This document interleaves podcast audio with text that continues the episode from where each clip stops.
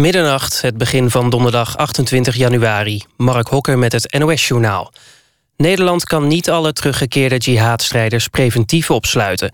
Minister van der Steur zegt dat het preventief opsluiten... in strijd is met het Europees Verdrag voor de Rechten van de Mens. De minister reageerde op een plan van het CDA... dat wil dat iedere jihadganger in detentie wordt gezet. Er is geen Kamermeerderheid voor het plan.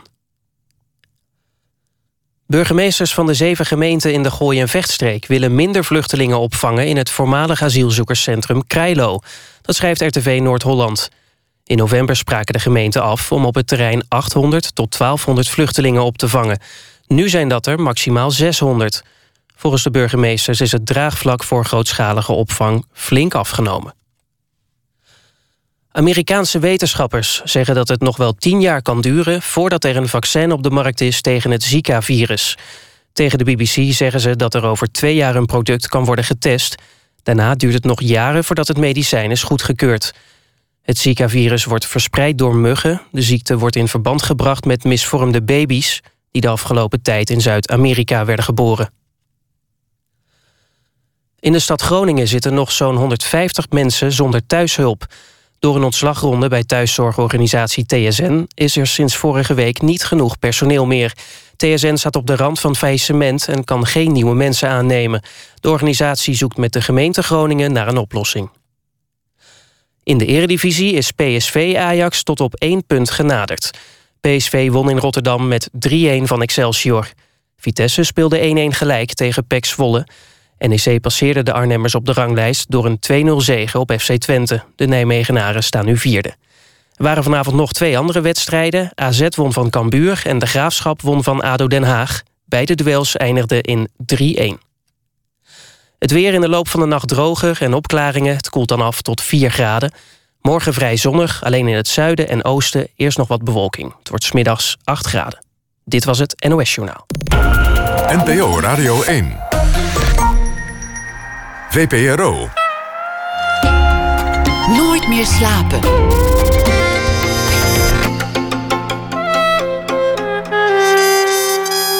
Met Pieter van der Wielen. Goedenacht en welkom bij Nooit meer slapen. Na één uur komt Jurre de Haan langs, ook bekend als Alkort Ai. Hij is muzikant en hij heeft muziek gemaakt bij een theateruitvoering van het stuk Alice in Wonderland. Elfie Tromp schrijft deze week elke dag een verhaal bij De Voorbije Dag. En we gaan het hebben over Herman Brood. Die zou dit jaar 70 zijn geworden en dat wordt op allerlei manieren gevierd en herdacht. Maar tegenover mij zit allereerst de winnaar van de VSB Poëzieprijs. De lang, belangrijkste prijs voor dichters in Nederland te krijgen. Ilja Leonard Vijver. Ilja, welkom. Dankjewel. Gefeliciteerd. Dank je. Je hebt de prijs gekregen voor uh, de bundel Idyllen met uh, nieuwe gedichten. Geboren in 1968, won twee jaar terug ook al de Libris voor de roman La Superba over de huidige woonplaats Gedua. En binnenkort verschijnt in de reeks Privé-domein het uh, boek Brieven uit Genua. En dat gaat. Ze staat vol met brieven aan ex-geliefden, aan uh, familie, aan zijn jongeren zelf, aan boekhouders en instanties. En gaat over het leven in Leiden, Genua, over de literatuur, de wereld, de poëzie en de oudheid. Nou ja, tot zover de introductie. Uh, leuk dat je er bent. De vorige keer had je ook een prijs uh, gewonnen. Dat was toen de, de Libris. En een jaar later ben je er weer. Heel goed om te horen dat je, dat je, dat je zoveel prijzen wint. Ik, ik ben heel blij dat er altijd zo'n uh, vreugdevolle aanleiding is om uh, met jou te mogen praten. Je bent helemaal gestopt met drinken, hoorde ik. Dat, dat, dat, je, dat, je, dat je echt nu waarschijnlijk ook geen glaasje Prosecco hebt weggeslagen om dit te vieren. Dat klopt, ja. Nee, ik, uh, ik drink al een tijdje niet meer. Helemaal niks? Helemaal niks. Nee. Nada, noppes? Nee. Wat is daarvoor de, de aanleiding geweest? Want, want in de brieven die nog moeten verschijnen, heb je het aan de ene kant over een, een bezoek aan een Italiaanse arts. Arts die zei: hou er nou maar mee op. Je, had iets in, in, uh, in de anale regionen, een, een, een zwelling in, in, in je kont, daar begon het mee. Maar er was ook een nieuwe liefde. Wat was het moment dat je dacht: ik hou er mee op? Je brengt het heel poëtisch. Uh, ja. Hoe een anaalfistel en een nieuwe liefde samen tot een nieuw leven leiden. Ja.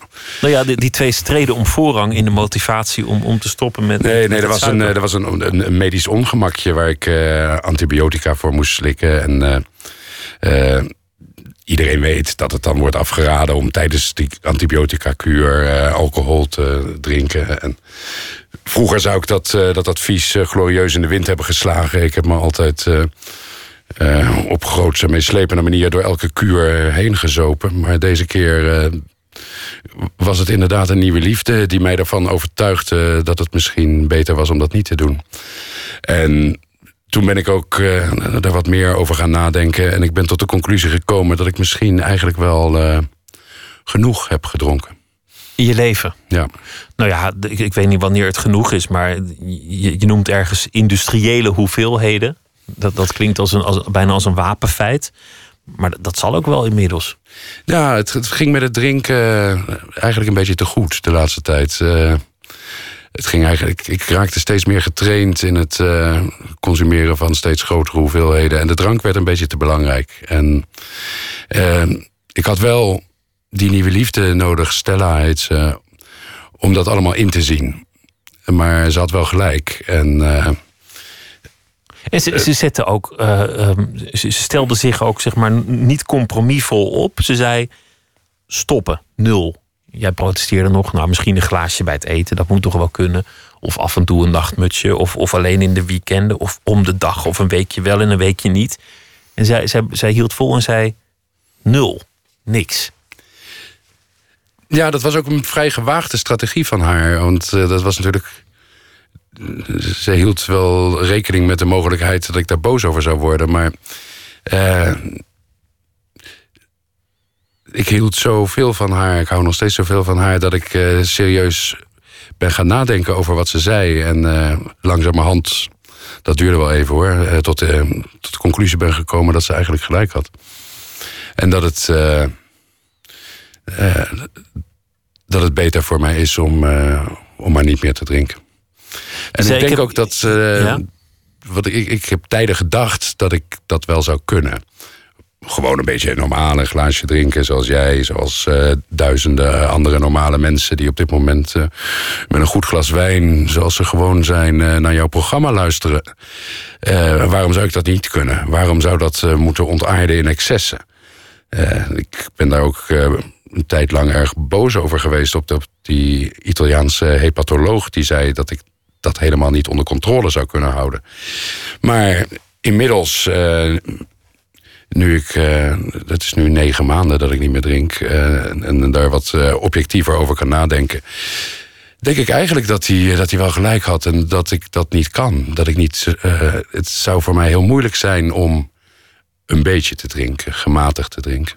Want dan zou je terugvallen in oud gedrag en, en dan zou het meteen weer heel veel worden. Enig idee hoeveel je hebt gedronken in, in je leven, als je, als je het zou optellen?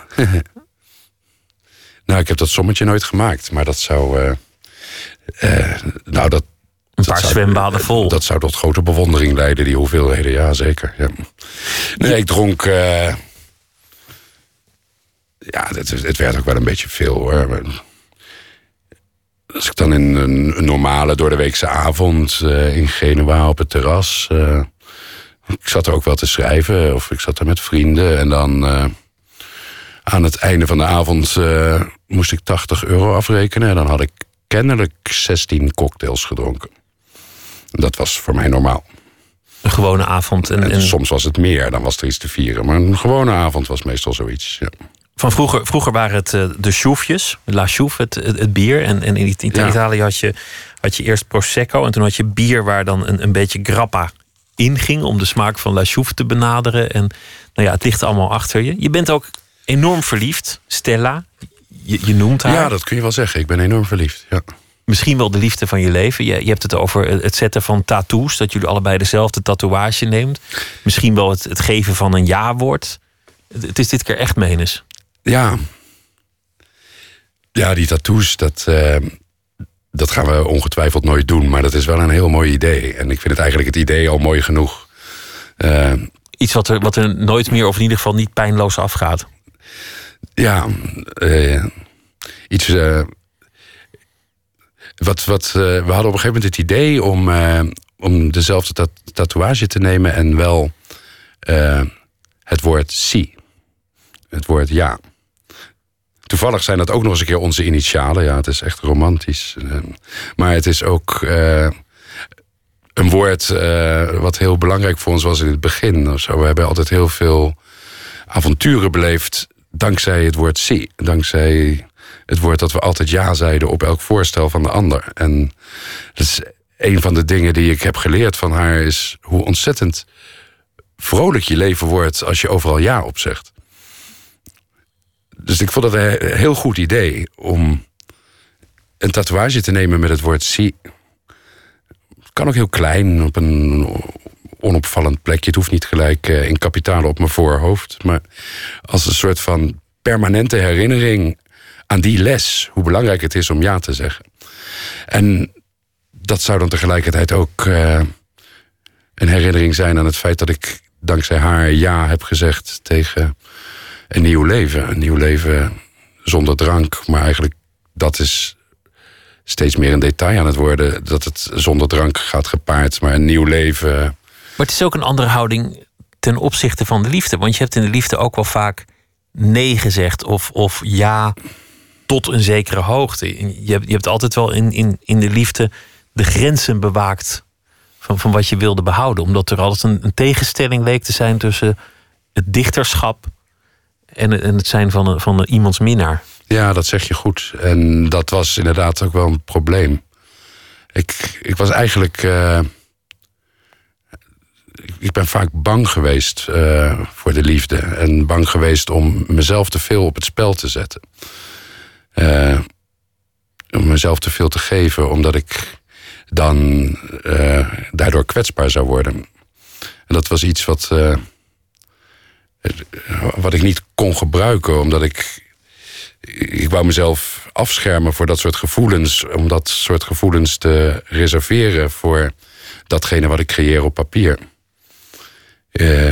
ik heb eigenlijk datgene wat ik echt bijna panisch uh, heb verdedigd uh, de laatste jaren, alsof het een kwetsbaar kleinoord was, was mijn eigen onkwetsbaarheid. En, ik wil je, wil je vragen om een gedicht uh, voor te dragen dat, dat misschien in, in persoonlijke zin dan achterhaald is, maar dat tegelijk nog steeds prachtig is. Kijk maar hoe, hoe, hoe ver je wil gaan met voordragen, want dit, dit stamt uit jouw laatste bundel. Uit de idylle, ja. Wat heb je uitgezocht? Ah ja. Want mijn relatie met de liefde is altijd wat ambigu geweest. De liefde wil op tijd naar bed. Misschien had ik te veel van haar verwacht. Voor mij is elke nieuwe nacht een nieuwe nacht, waarin een avontuur uit wanhoop valt te schrapen. De liefde is een zalf een dichter mag niet slapen. De liefde vindt dit alles uiterst ongezond. Haar klacht heeft ook een wetenschappelijke grond, citeert de noten van de studies die ik ken. Het valt bij God niet goed te praten hoe ik ben. De dichter moet streven naar grootsheid. Je, je wilde ook streven naar het leven dat bij het dichten hoorde. Een, een leven zonder compromissen. Uh, een van de dingen die je daarover zegt is nooit een wekker hoeven aanschaffen, bijvoorbeeld. Maar ook ondergaan in, in je onderdompelen in een leven dat uiteindelijk zich vertaalt naar iets dat, dat de moeite waard is op papier. Ja, en nou, dat, dat met die wekker, dat, dat sta ik nog steeds wel achter hoor. Je hebt nog steeds geen wekker. Ik heb nog steeds samen uit. Ja, ja. oké. Nou, nee, ik vind het nu ook wel uh, prettig om wakker te worden met haar wekker. En uh, samen met haar te gaan ontbijten. Dus wat dat betreft is er ook wel. Is de wekker een, toch via de achterdeur dat leven ingeslopen? Een grote revolutie is dat, ja. Want, want maar, meisjes komen met wekkers. Meisjes komen met wekkers, ja. En. Uh, nou, dat is eigenlijk precies wat misschien wel het belangrijkste wending in mijn leven is nu, is dat ik uh, dat dat leven op papier, wat ik al die jaren zo heb nagestreefd en eigenlijk compromisloos volledig mezelf heb gewijd aan datgene wat ik op papier aan het creëren was. Uh, daarbij heb ik eigenlijk misschien het, uh, het echte leven buiten de randen van het papier veronachtzaamd. En ik heb het gevoel dat dat misschien dat ik daar een fout mee heb gemaakt. En dat er ook uh, in het echte leven van alles valt te beleven. En ik denk dat dat. Uh, imago van een compromisloze bohemien, wat ik van mezelf heb gecreëerd, eigenlijk ook een manier was om mezelf uh, te beschermen tegen angst voor kwetsbaarheid. Nou doe je jezelf denk ik tekort. Want, want volgens mij is het niet, niet iets van een imago, omdat je, dat, je, dat je die boeken maakt en hebt gemaakt. Je haalt ergens een citaat aan van, van Oscar Wilde. Life imitates art. Het, het leven maakt de kunst na, niet andersom. En, en dat vond ik een interessant citaat in de context van jouw werk. Want, want bij het lezen van al jouw brieven en in jouw boeken is niet de vraag: wat is nou echt?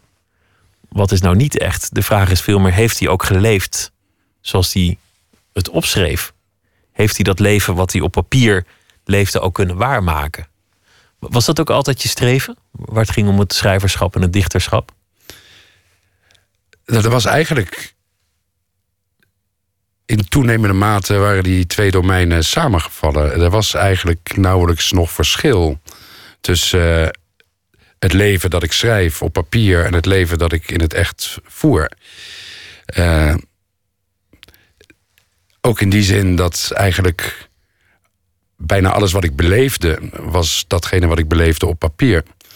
Uh, mijn, mijn dagelijkse leven was, stond totaal in dienst van het creëren van dingen op papier de tocht naar het café waar je schreef. Ehm, de, de, de nachten die je, die je doorbracht achter een machine of, of drinkend om, om weer jezelf in de, in de goede staat te brengen om te gaan schrijven. Ben je dan ook anders gaan schrijven nu je anders leeft? Nou, dat valt te bezien. Het zijn natuurlijk uh, uh, die ideeën die vandaag zo, uh, zo prettig zijn bekroond, zijn al een jaar geleden uitgegeven en zijn de vrucht van, van twee of drie jaar werk daarvoor. Die brieven die in het boek Brieven uit Genua komen, zijn veel recenter. Maar ook daarvan zijn de grote, overgrote meerderheid geschreven. voor de grote wending in mijn leven, voordat ik Stella heb ontmoet. Dus ik moet het eigenlijk nog zien. Ik moet mijn eerste werk in mijn nieuwe leven nog schrijven. Maar, je noemt het al een grote wending. Dat, dat, dat, dat zijn alweer hele grote woorden. De vorige grote wending was dat, dat je naar Genua ging. Dat had ook alles te maken met, met, een, met een vrouw. Die noemde je toen je muze. Je fietste haar achterna. Zij zei, we gaan naar Rome. Jij fietste mee. Jullie kwamen uit in Genua. Zij zei, zullen we hier een tijdje wonen? En jij dacht, nou ja, we doen het. En achteraf een, een prachtige beslissing geweest.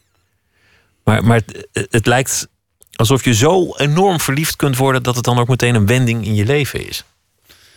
Of is dit echt anders? Nou, toen ik besloot om naar Genua te gaan, ja, dat was samen met een vrouw, maar dat had er wat meer, dat, dat had niet zoveel met liefde te maken. Ja, dat was verder niet. Ja, daar hoef ik, wil ik niet over in details treden, maar dat had daar niet zoveel mee te maken. Maar dat was wel, uh, het was wel heel belangrijk voor mij om, uh, om weg te gaan. Ik dacht toen misschien even voor een tijdje om weg te gaan uit Nederland. Uh, en er was niks dat mij uit Nederland had weggejaagd. Ik had een heel prettig leven in, in Leiden. En, maar het was misschien een beetje te prettig en een beetje te makkelijk. En, uh, maar dat merkte ik eigenlijk pas toen ik eenmaal in Genua was. En toen ik besloten had om dan maar een tijdje in Genua te blijven. Toen merkte ik eigenlijk dat uh, dat het wel echt heel goed voor mij was. En ik kreeg bijna een soort van sensatie van, van wakker worden. Ik, ik raakte. Ik was eigenlijk mijn vermogen om mij te verwonderen een beetje kwijtgeraakt. Je had, je had in Leiden de rest van je leven een gevierd dichter kunnen zijn zonder ooit nog een gedicht te maken. Ja, nou, ik hoefde steeds minder te dichten om dichter te zijn. Ja. En in Genua stond je, stond je onder druk, je ogen gingen open. Ja, ook de meest gewone dingen moet je weer bevechten. Uh, niks is automatisch. Uh, alles in een nieuw land is anders dan je denkt. En uh, zelfs ja, Genua, het, het is een Noord-Italiaanse stad en het is soms uh, net Europa. Maar toch, uh, als je daar echt bent, als je daar echt woont, merk je hoe zelfs de kleinste dingen toch heel anders zijn dan je gewend bent. En dat vond ik geweldig. Dat maakte mij wakker. Dat, uh, dat heb ik nog steeds. Genua is nog steeds een stad die, die mij kan verrassen, verbijsteren, mij wakker maken. En daar ben ik wel anders van gaan schrijven, denk ik. Dat is nu iets ben nu uh, bijna acht jaar in Genua. En als ik daar nu op terugkijk, wat ik heb gemaakt sinds ik naar Genua ben gegaan, als ik dat vergelijk met wat ik daarvoor heb gemaakt, zie ik wel verschillen. dat zag ik niet onmiddellijk. Dat is ook niet iets bewusts geweest. Maar ik, ik zie wel dat ik. eh, eh, dat ik in Genua wat. eh, wat directer en lichter en Compromislozer. ja, misschien ook wel. Eh, het is. eh, eh, het is, het is wat minder literatuur die zich legitimeert door betrekkingen op andere literatuur. Ik durf het wat meer direct over de wereld en mezelf te hebben. Laten we het straks eh, nog wat meer hebben over, over de wereld en over je werk. Maar we gaan eerst luisteren naar een eh, Amerikaanse rapper die ook nog kan zingen. Tweede album is uit, Malibu. En eh, hier is die Anderson Paak met Celebrate.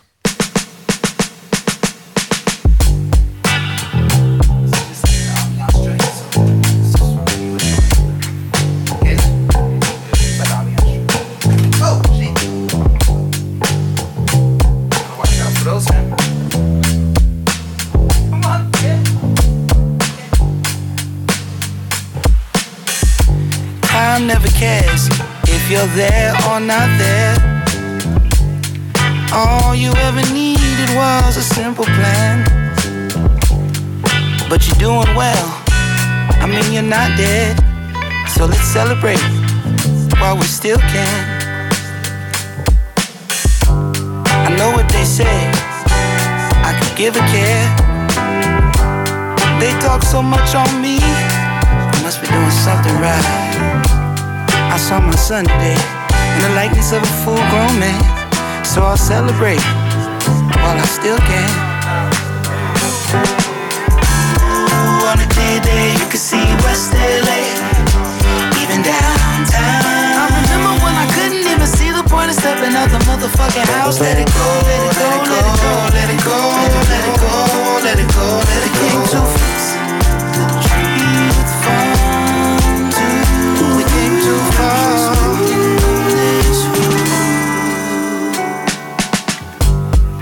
many others have walked the same ground you have? You'd be wise to pay attention to your old head. I spent the whole day throwing records in the deep bag.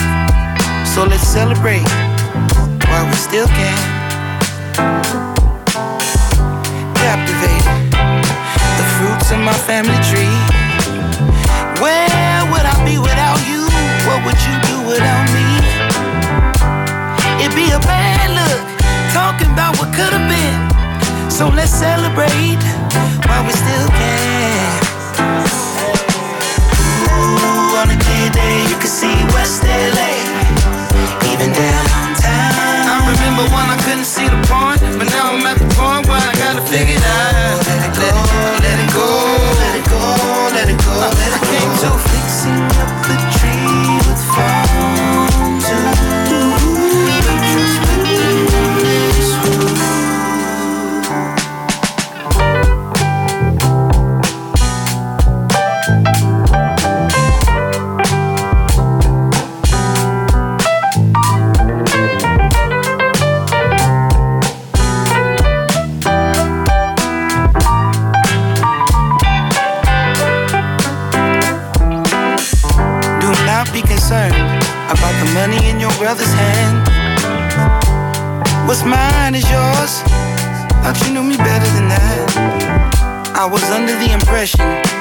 We all want the best of life. So let's celebrate we still can. Anderson Paak met Celebrate. En eh, er is veel te vieren. De VSB Poëzieprijs, gewonnen vandaag door Ilja Leenhard Vijver... die tegenover mij zit voor zijn bundel Idyllen. Je zei net dat, eh, dat vertrekken naar Genua goed is geweest voor, je, voor jezelf... maar ook voor je schrijverschap. Dat je, dat je daardoor anders bent gaan schrijven... en, en dat je ook losstaat van, van de literaire wereld. Dat is iets dat in je werk vaker terugkomt. In, in een van je brieven eh puff je een beetje uit na een avond in, eh, in het Amsterdamse café De Pels, waar je hebt gezeten met de jonge generatie schrijvers. En, en het is eigenlijk een verzuchting van ja, het zijn allemaal wel aardige jongens. Mag ze ook wel. Ze kunnen ook heus wel wat, maar Jezus, moet het nou zo? Wat, wat was precies die verzuchting? Ik heb. eh, toen ik eenmaal was gedebuteerd en uh, wat, wat naam begon te krijgen in het kleine literaire wereldje, heb ik me met grote overgave in het literaire leven gestort. Dat is natuurlijk ook een van de grote aantrekkingskrachten van het schrijver worden, dichter worden. Dat je mee mag doen en dat je naar het boekenbal mag en dat je ook mag naar uh, Café de Zwart, de Pels en de Doffer in die volgorde. Waarom dat precies moet, dat weet niemand, maar iedereen weet wel dat dat moet. En uh, ik heb daar een paar jaar lang. Uh, was ik daar heel vaak te vinden. Ik, uh, ik, ik, vond het ook echt spannend om kennis te maken met die, met die Amsterdamse schrijverswereld. Maar dat was na die paar jaar ook wel helemaal over.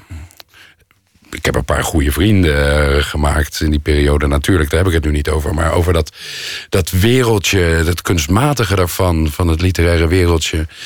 Uh, dat vond ik eerder benauwend en contraproductief dan inspirerend. Maar het gaat, je zegt ook van ja, elk klein depressietje uitventen voor, voor weer een boek.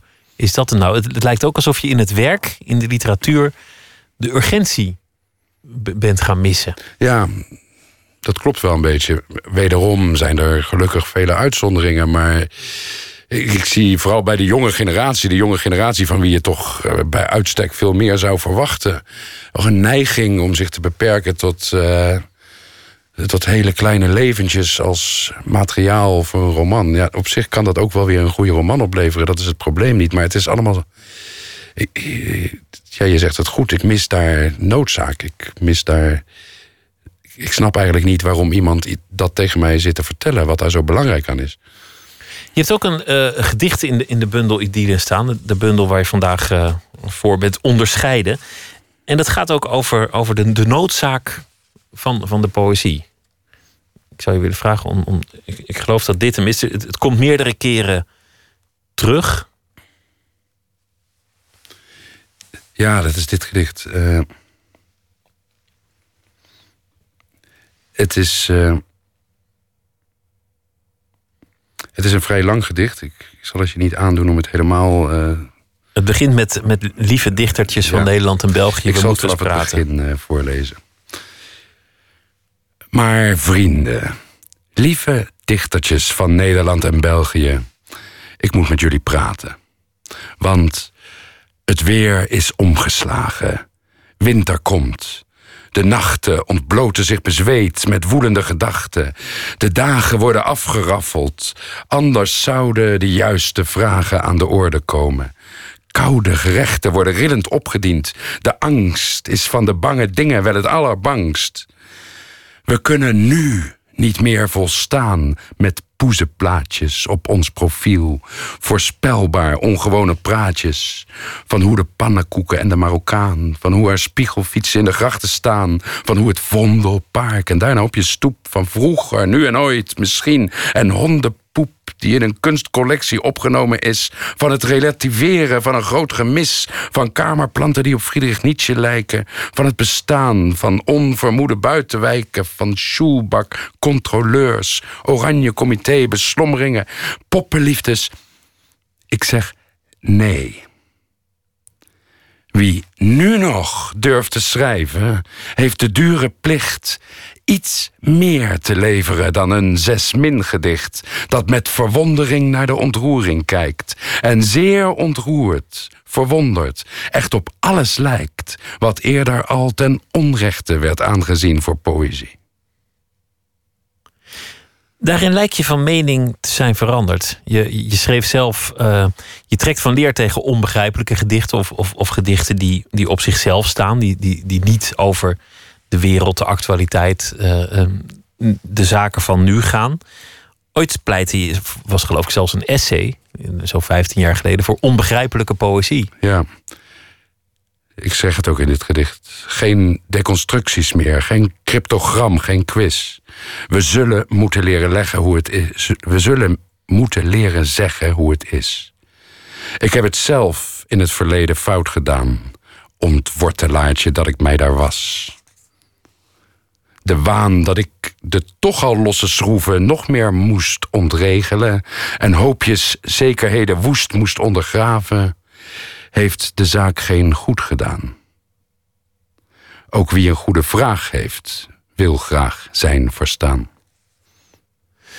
Wat is er geweest waardoor je van mening bent veranderd? Dat je, dat je zegt, ja, de winter staat voor de deur. We, kunnen wel lekker binnen de literaire kringen blijven en mooie boeken voor elkaar maken en, en gedichten schrijven die de liefhebbers lezen. Maar we moeten er nu op uit. We moeten nu, de, de, de winter staat voor de deur. We moeten nu van leer trekken. Wat is de verandering? Uh, ik denk dat het echt zo is. Uh, misschien ben ik zelf veranderd, maar ik denk ook dat de wereld is veranderd. En ik maak me grote zorgen over de wereld van vandaag. Uh, er zijn allerlei ontwikkelingen gaande op dit moment. Uh, die de wereld zoals wij kennen op een onherkenbare manier zullen veranderen. Uh, we hoeven alleen maar na te denken over, over de problemen die elke dag onze krantenkolommen vullen. De vluchtelingencrisis, waar, waar La Superba eigenlijk ook voor een deel over ging. Dus ja, het is een van de grootste geopolitieke ontwikkelingen van dit moment. En uh, de manier waarop wij op dit moment een antwoord kunnen geven als Europees continent, als afzonderlijk land, uh, kunnen we daar op geen enkele manier invloed op uitoefenen. Maar misschien als continent als geheel, als we daar op een goede manier, of de manier waarop wij daar een antwoord op weten te formuleren op deze uh, immigratie, bepaalt de toekomst van ons continent. Uh, ik denk dat, dat het absoluut een waangedachte is dat we vluchtelingen zouden kunnen tegenhouden. De geschiedenis leert dat immigratie niet valt te stoppen. Dus we moeten op een bepaalde manier een manier vinden om die vluchtelingen op te nemen en daar op een nuttige manier gebruik van te maken. Maar dat wordt heel moeilijk, want, want jij hebt zelf uh, je, je bekwaamt in je studie in, in de oudheid, de, de Grieken, de, de Romeinen. Ik heb altijd op, op de middelbare school geleerd, later bleek het iets genuanceerder te liggen, maar dat de volksverhuizingen het einde waren van, van, het, van het Romeinse Rijk. Dit, dit zou je inmiddels een volksverhuizing kunnen noemen. Jij, jij noemt het zelf een, een, een verandering die onze wereld gaat veranderen. Ja, maar dat, dat, dat hangt maar helemaal af van je perspectief. Hè? De volksverhuizingen waren ook het begin van de Verenigde Staten ja, je kan ook het perspectief van de Indianen kiezen. Toen waren ze het einde van de beschaving. Ja, uh, het is gewoon iets wat van alle tijden is. Ik bedoel dat niet de volksverhuizing van ons grote Romeinse Rijk gaat ten onder. Maar ik, ik bedoel wel te zeggen dat, dat je niet te licht moet denken over, over dit soort problemen. Ik denk wat je daaruit. Precies, maar dat is precies wat ik zeg. We moeten niet te licht denken over dit soort problemen. En wat de geschiedenis leert, is dat dat soort eh, massale migratie niet valt tegen te houden, zolang de oorzaken van die migratie blijven bestaan. Dus we moeten dat als een gegeven beschouwen. We moeten dat niet te licht opvatten, maar daar goed doordachte antwoorden op formuleren. We moeten nadenken over uh, hoe we profijt kunnen hebben van die vluchtelingenstromen. In plaats van de waangedachte te hebben dat we dat allemaal wel even oplossen met een prikkeldraad. Maar wat is de rol van de dichter daarin? waarom zou een dichter niet net als vroeger gewoon mooie gedichten mogen maken over. Uh, over wat schreef je ook weer? Een plant die op, op Nietzsche lijkt. Of, of, over, uh, of over de liefde. Of over uh, de zin van het bestaan. Waarom moeten die zich in dat debat mengen? Ik denk dat ik denk dat de dichter bij uitstek woorden kan geven aan, sentimenten die op dit moment leven en, die niet goed onder woorden worden gebracht. Uh, of ik formuleer het misschien een beetje vaag, want ik kan het misschien beter zo zeggen dat juist als je het hebt over vluchtelingen, en we kunnen het ook hebben over andere problemen. Dus, klimaatproblematiek of het feit dat alles tegenwoordig maar een mening is geworden, dat er geen enkel houvast meer is aan kennis en feiten. En, allemaal dat soort ontwikkelingen die, uh, die de wereld zoals wij kennen aan het veranderen zijn. dit alles vindt plaats onder een overvloed van woorden. Er zijn te veel woorden. En je hoeft maar een samenvatting te zien van een of andere inspraakbijeenkomst uh, over een asielzoekerscentrum dat gevestigd wordt op Nederlandse bodem. En er zijn te veel woorden en te veel verkeerde woorden en foute woorden en lelijke woorden en afgesleten woorden en woorden die kwetsen en niks meer betekenen en domme woorden. En woorden zijn nou net jouw vak. En woorden zijn nou net jouw vak. En uh, misschien moet je dan als dichter concluderen dat je als vakman de plicht heb om daar iets tegenover te stellen. Misschien is dat een heel goed idee om de taal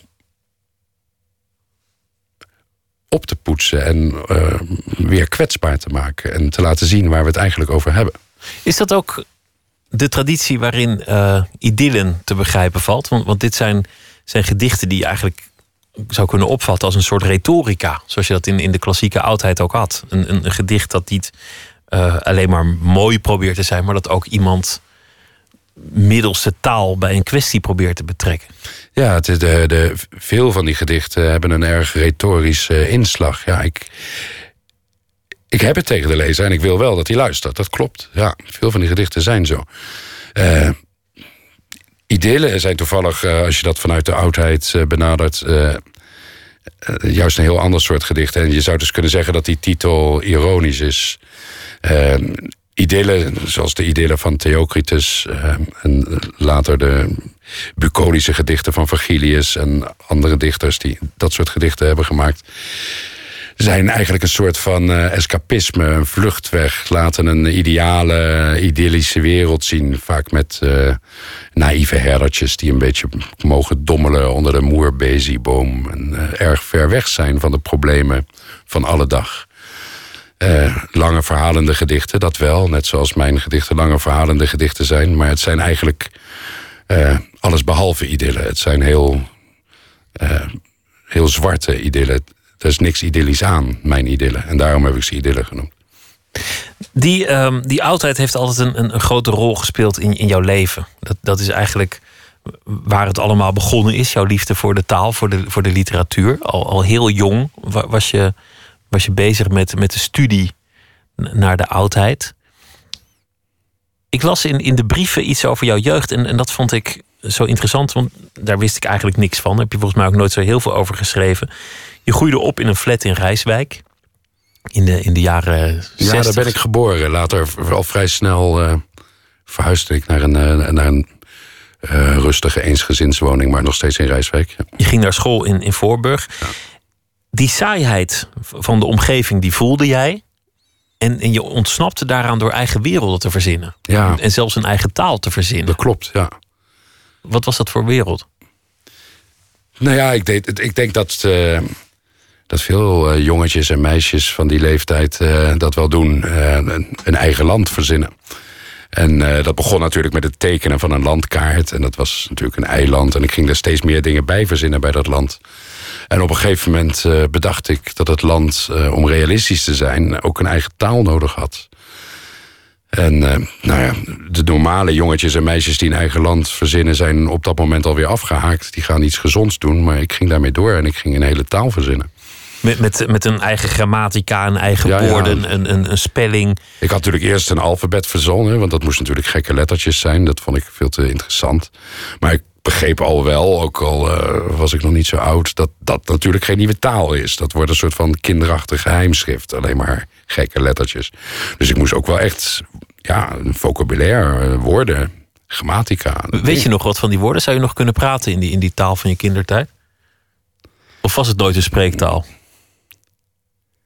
Gelignas. Lolotus. Ik weet het niet, het is heel ver weg. Het is ook ontzettend lang geleden. Het, was ook, um, het waren de jaren zestig. Je ouders waren verre van hippies. Die waren meer van Anneke Grunleu dan van, van de Beatles. Maar dat optimisme van de tijd waarin je opgroeide, de, de blik naar buiten, uh, de wereld werd groter, de, de welvaart nam toe. Die heb je wel degelijk meegekregen in jouw jonge jaren. Ja, ja, dat is iets waar ik de laatste tijd uh, vaker over nadenk. Ik, herinner mij inderdaad uh, mijn eigen jeugd uh, als een buitengewoon optimistische tijd. een spannende tijd ook. Ik, ik, ben geboren in 1968, dus ik ben opgegroeid in de jaren 70 en de jaren 80. En dat, dat was een tijd waarin het geloof heerste dat de vooruitgang was. Dat overmorgen mooier zou zijn dan morgen. De vrijheid nam toe. Economie groeide, we werden rijker, maar vooral veel vrijer. En de kerken werden gesloten, de porno werd steeds explicieter. Het was een, een feest. En, eh, en dat gevoel van optimisme, dat gevoel van dat het morgen beter zal zijn dan nu, dat is op een gegeven moment helemaal omgeslagen. En dat mis ik nu echt. En dat is echt een van de grote problemen van deze tijd. Je hekelt ook het moment dat, dat de gewone burger toegang tot het internet kreeg. Hoe handig het ook is, hoeveel het ook heeft gebracht. Het, is niet in alle opzichten een, een mooie ontwikkeling geweest. Nou, ik hekel dat niet zozeer. Ik heb er veel over nagedacht. Uh, wat voor invloed uh, internet heeft op, uh, op het dagelijks leven. En dat, dat, bedoel ik dan niet op een heel erg banale manier... van dat het best wel handig is om een e-mailtje te sturen... maar dat het echt onze manier van denken verandert. Het is een van de grootste revoluties in de geschiedenis van, uh, van, menselijke communicatie. Zoiets als de boekdrukkunst. Ja, de uitvinding van het schrift, de boekdrukkunst. En daar zijn er maar weinig van. En uh, deze digitale revolutie is er een van, van dat kaliber. En net zoals die vorige grote revoluties in communicatie... Uh, verandert het onze manier van denken op een heel fundamentele manier. En uh, dat heeft allerlei positieve kanten, maar ook minder positieve kanten. Waarin verandert het denken in essentie? Nu, nu alles snel opzoekbaar is geworden en, en alle communicatie snel en direct. Waarom zijn we anders gaan denken? Uh, nou, een voorbeeld is dat. Uh, het idee is nu dat kennis is gedemocratiseerd. In mijn tijd, toen ik uh, ging studeren aan de universiteit in het midden van de jaren tachtig hadden we nog een vak, uh, methoden en technieken, om je toegang te verschaffen tot kennis. Om de weg te weten in de universiteitsbibliotheek, om toegang te vinden tot bronnen, om kaartenbakken te leren gebruiken. Dat was een specialisme, dat moest je leren. Dat, dat was niet iets wat automatisch was, dat was een vak. En dat is nu fundamenteel veranderd. Kennis is. Uh, iedere maloot kan, uh, kan binnen twee microseconden alle beschikbare kennis op zijn scherm toveren over willekeurig welk onderwerp. Waardoor die in theorie iets minder maloot zou kunnen worden. Ja, maar wat het probleem is, is dat niet zozeer de kennis is gedemocratiseerd, maar de beschikbaarheid van kennis. En het probleem is dat de beschikbaarheid van kennis wordt verward met kennis. En deskundigheid is dus verdacht. Daar is geen respect meer voor en dat is dus verdacht. En ik denk, daar komt het idee vandaan dat uh, dat alles ook maar een mening is geworden. Uh, als alles. Als iedereen toegang heeft tot dezelfde kennis, rijst al gauw het misverstand dat iedereen dus even geïnformeerd is. Dat iedereen er dus evenveel verstand van heeft. Pure flauwekul natuurlijk je moet ook wel die bronnen kunnen gebruiken. Maar alleen omdat ze beschikbaar zijn, denken mensen dat ze er net zoveel, van over, net zoveel over weten als specialisten die daar een mensenleven en naar hebben gestudeerd. er zijn nu mensen die komen uh, met een uitgeprinte, zelf van internet uitgeprinte diagnose bij de specialist als ze op spreekuur komen. En klagen de specialist aan voor medisch onzorgvuldig handelen als hij de euvele moed opvat om het met hen oneens te zijn, want zij hebben het op internet gevonden. Toch zou je het ook makkelijk kunnen zien als een ideaal dat is verwezenlijkt. De democratisering van kennis. Het heeft goede kanten. Het heeft positieve kanten. Dat, ja, tuurlijk. Dat was het, eh, in mijn tijd moest je reizen ondernemen om bepaalde boeken te raadplegen. Eh, die waren niet op. De kennis was verbonden aan één plek. Dat is nu allemaal opgeheven. Dat is super positief. Dat is geweldig. Maar dat er geen respect meer is voor kennis, heeft ook politieke consequenties. Daar komt het hele fact-free politics vandaan. En ik denk dat een uitspraak, eh, wat, wat in de Nederlandse politiek een soort van symbool is geworden, een keerpunt. Uh, de beroemde slogan van Pim Fortuyn. Uh, ik zeg wat ik denk en ik doe wat ik zeg. Dat is eigenlijk. De, de ene vraag die niet werd gesteld in die tijd is: maar denk jij wel het juiste? Dat is kennelijk geen vraag meer. Want iedereen, iedereen heeft recht op zijn eigen mening. Iedereen, het, het, er is niet meer zoiets als ongelijk hebben op grond van de feiten. Dat is niet meer interessant. Er is geen waarheid meer eigenlijk. Geen, geen gemeenschappelijke ideologie. De tijd dat jij ging studeren, dat, dat jij toegang ging krijgen tot kennis, koos je voor iets dat, dat tegenwoordig nog wel eens wordt afgedaan als, een, als een, een romantische hobby, namelijk de studie van de oudheid. Daar ben ik het niet mee eens hoor. Ik vind dat het heel mooi en heel belangrijk is dat mensen dat bestuderen en dat die kennis behouden blijft. van, van, de, van de klassici. Maar het was ook in je eigen leven een, een enorm goede beslissing om, om te verhuizen naar Leiden. Weg van uh, Rijswijk en, en Voorburg, maar naar de stad te komen. Ja, Rijswijk moet je vooral niet te lang blijven hangen natuurlijk. Dat was me al, al in mijn, mijn jongensjaren duidelijk. Maar je, je, schrijft over die periode en, en het lijkt alsof je daar helemaal voor het eerst samenviel met jezelf. Dat je niet meer die fantasie hoefde te leven van je eigen bedachte land. Maar, maar dat het leven werkelijk werd. Dat, dat je jezelf ontdekte. Het klopt wel. Mijn, uh, mijn studententijd herinner ik mij als een geweldige tijd. Ik, uh, ja, ik ben klassieke talen gaan studeren omdat ik. Uh, het werd mij al vrij snel duidelijk op de middelbare school dat ik erg geïnteresseerd was in, in literatuur. En ik heb er een tijdje ook nog over nagedacht om Nederlands te studeren of misschien een moderne vreemde taal of zo. Maar klassieke talen, de, een aantal van de grootste meesterwerken die de mensheid ooit heeft voorgebracht, zijn toevallig in het Grieks en in het Latijn geschreven. En het was een feest om me daarmee te mogen bezighouden en om daadwerkelijk uh, uh, de kennis op te doen om, om Homerus, Plato, Virgilius in het origineel te kunnen lezen.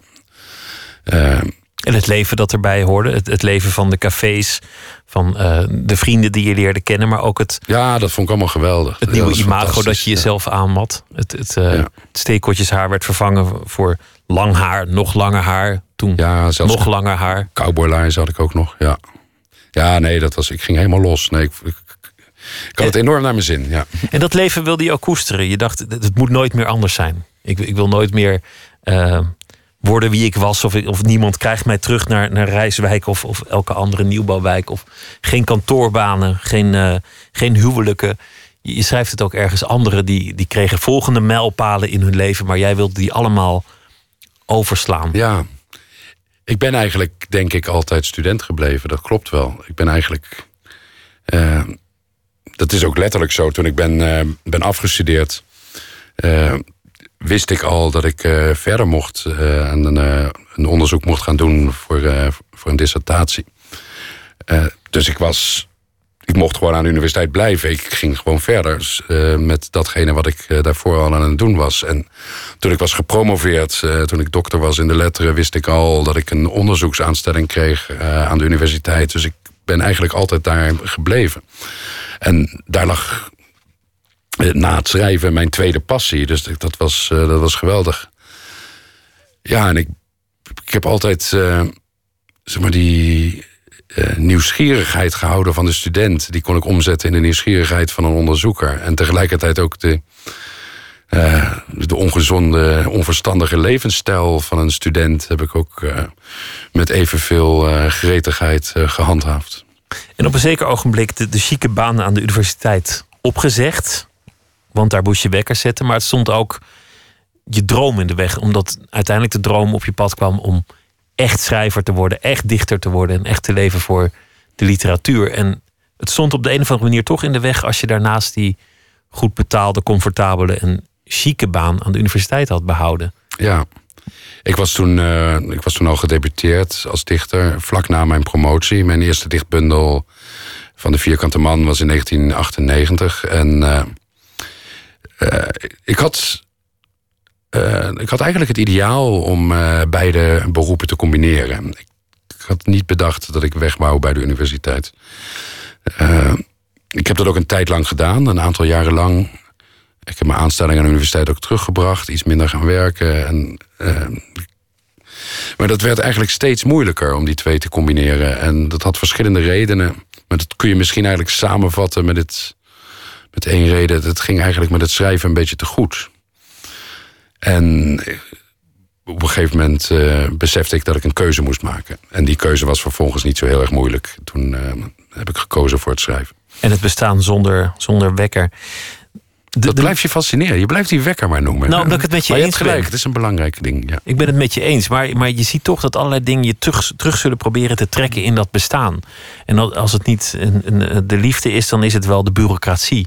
Die, die gaan bellen over, over een VAR-verklaring of een modelcontract. Want dat, dat volwassen leven, dat zal je aan alle kanten proberen. Heb je nog een goede manager nodig? Ik ken er iemand. Je hebt nu een manager, toch inmiddels? Ja, ja. Iemand die, die dat, die praktische kant van je afneemt. Heerlijk, ik had dat veel eerder moeten doen. Ik, ik hoef nu nergens meer over na te denken. Dat is echt geweldig. En je kunt je wijden aan het schrijven. Ja. In de brief bespaar je niks, vooral niet jezelf. Je schrijft over hoerenbezoek, al je exen komen langs. Ze worden allemaal beschreven met, met, met hun voorkeuren. Je hebt het over eh, drankgelagen. Collega's worden eh, met naam en toenaam genoemd. Een, een journalist die, die, die, eh, die, die zijn interview eh, liederlijk verkloot en zijn schoenen kwijtraakt, die, die wordt ook met naam en toenaam genoemd. Dat maakt het goede literatuur. Dat, je- dat je niks probeert te sparen, dat je nergens binnen de lijntjes kleurt. Wanneer heb je dat afgeworpen? Wanneer heb je alle reserves laten gaan? Maar dank je wel dat je dat zo, eh, zo hebt gelezen. Eh, ja, ik dacht... toen ik eenmaal het plan omvatte om, om dit boek te maken... om een, een erg autobiografisch getint boek te maken... eh, toen dacht ik, ja, dat doe je maar één keer. En zoiets heeft alleen maar zin als je het echt eerlijk bent. Anders is het flauwekul. Het is ook een genre. Eh, Flaubert deed het in de 19e eeuw. In, die brieven waarin hij ook alles besprak. Van de politiek tot aan eh, zijn eigen geslachtsziekte. Zo hoort het. En, juist in de tijd van het internet is het, is een mooi genre. De brievenroman. Ja, dankjewel. Eh ik vind het een mooi compliment dat het je aan Flaubert doet denken. Nou ja, het, het is duidelijk dat. Je, je kan niet gaan poseren in zo'n boek. Dat, dat heeft helemaal geen zin. Het, moet, het, het was ook wel echt een moeilijk boek om te schrijven in die zin. Omdat het ook. Ja, het is ook zelfonderzoek. Ik moet eerlijk zijn tegen mezelf.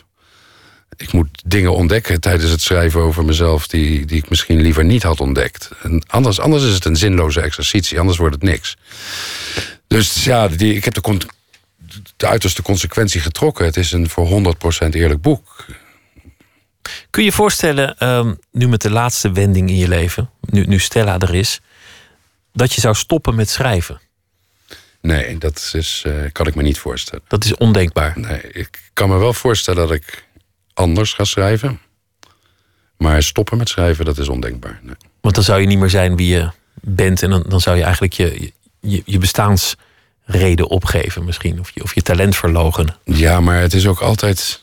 Ik, ik ben er ook helemaal niet bang voor dat ik ooit in de verleiding kom om te stoppen. Want ik vind het eigenlijk ook veel te leuk om te schrijven.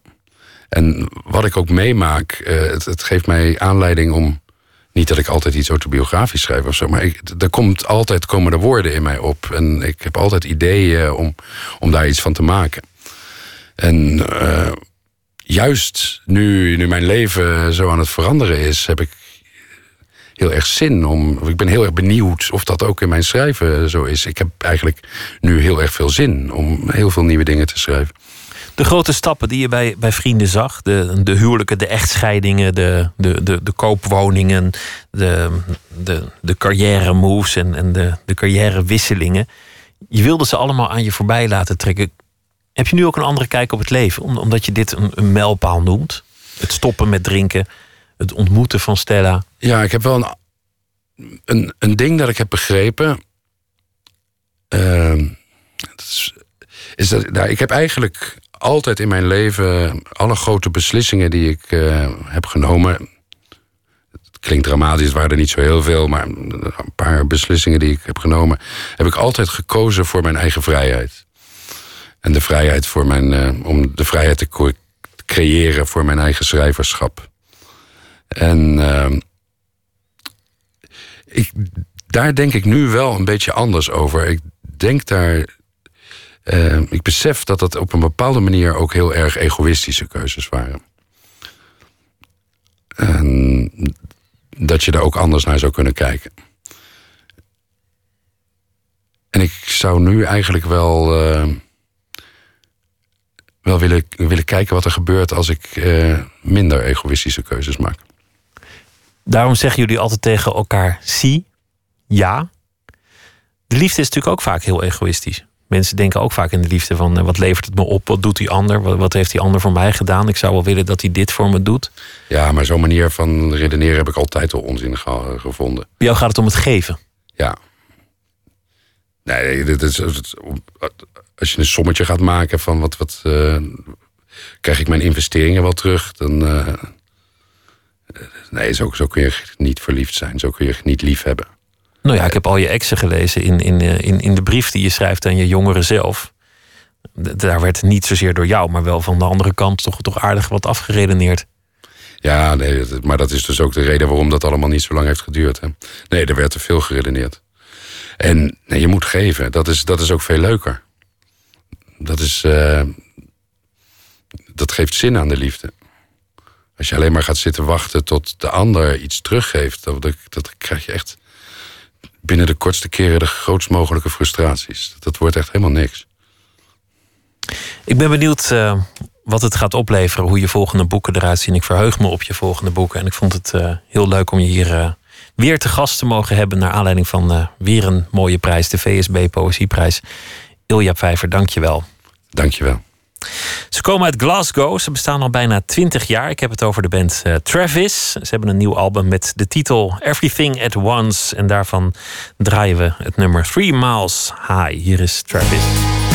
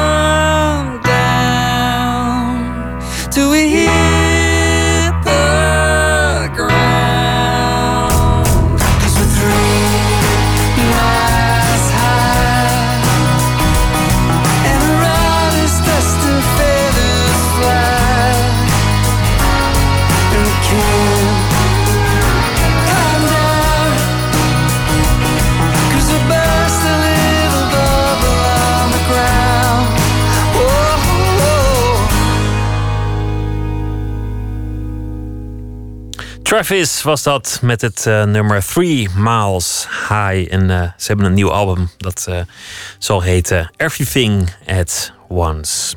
Zometeen een gesprek met uh, Jur de Haan, beter bekend als Alkort Ai. Hij heeft muziek gemaakt voor een voorstelling, Alice in Wonderland. Hij komt langs in de rubriek Open Kaart. En hij zal ook een nummer spelen hier in de studio. Aandacht voor Herman Brood. Hij zou 70 zijn geworden dit jaar. En dat leidt tot heel veel voorstellingen en boeken en andere dingen rondom eh, de man en zijn werk. Elfie Tromp is schrijver en die zal deze week elke nacht een verhaal voordragen over de voorbije dag. En dat doet ze ook eh, zometeen even na ene in dit programma Nooit meer slapen. U kunt ons volgen via Facebook. We zitten op Twitter, het VPRO NMS. En u kunt zich ook abonneren op de podcast. En op Spotify staat de muzieklijst zorgvuldig samengesteld door Lotje IJzermans. Tot zometeen.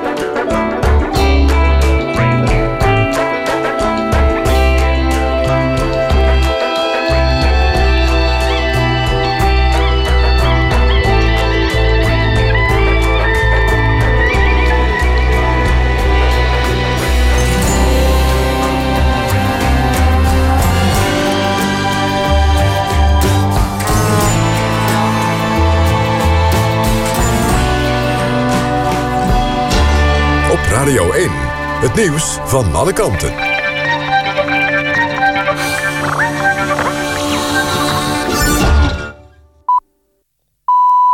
1 uur, Mark Hokker met het NOS-journaal. De twee grootste pensioenfondsen moeten volgend jaar mogelijk de pensioenen verlagen. ABP en Zorg en Welzijn waarschuwen daarvoor... bij de presentatie van hun kwartaalcijfers later vandaag. De fondsen maken te weinig rendement op hun beleggingen. Tegelijkertijd moeten pensioenfondsen meer geld in kas hebben... vanwege de lagere rente. Of de pensioenen bij ABP en Zorg en Welzijn volgend jaar echt omlaag moeten... hangt af van hoe ze er aan het einde van dit jaar voor staan. Nederland kan niet alle teruggekeerde jihadstrijders preventief opsluiten. Minister van der Steur zegt dat het preventief opsluiten in strijd is met het Europees Verdrag voor de Rechten van de Mens. De minister reageerde op een plan van het CDA. Dat wil dat iedere jihadganger in detentie wordt gezet. CDA-kamerlid Van Torenburg denkt daarbij niet aan een cel... maar aan een soort gesloten opvang... waar terugkeerders ook psychisch begeleid kunnen worden... voor traumatische ervaringen. Er is geen meerderheid in de Tweede Kamer voor het plan.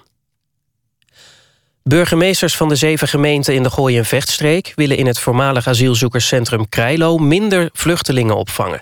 Dat schrijft RTV Noord-Holland. In november spraken de gemeenten af om op het terrein 800 tot 1200 vluchtelingen op te vangen. Nu zijn dat er maximaal 600. Volgens de burgemeesters is het draagvlak voor grootschalige opvang flink afgenomen. In de eredivisie heeft PSV gewonnen van Excelsior. In Rotterdam werd het 3-1. Door de overwinning is PSV nu koploper Ajax tot op één punt genaderd. Vitesse speelde thuis 1-1 gelijk tegen PEC Zwolle. NEC won met 2-0 van FC Twente en passeerde daardoor Vitesse op de ranglijst. De Nijmegenaren staan nu vierde. AZ Cambuur eindigde in 3-1 en de Graafschap won met dezelfde cijfers van ADO Den Haag. Het weer in de loop van de nacht droger en opklaringen. Het koelt dan af tot 4 graden. Morgen vrij zonnig, alleen in het zuiden en zuidoosten eerst nog wat bewolking. Het wordt smiddags 8 graden. Dit was het NOS Journaal. NPO Radio 1. VPRO. Nooit meer slapen.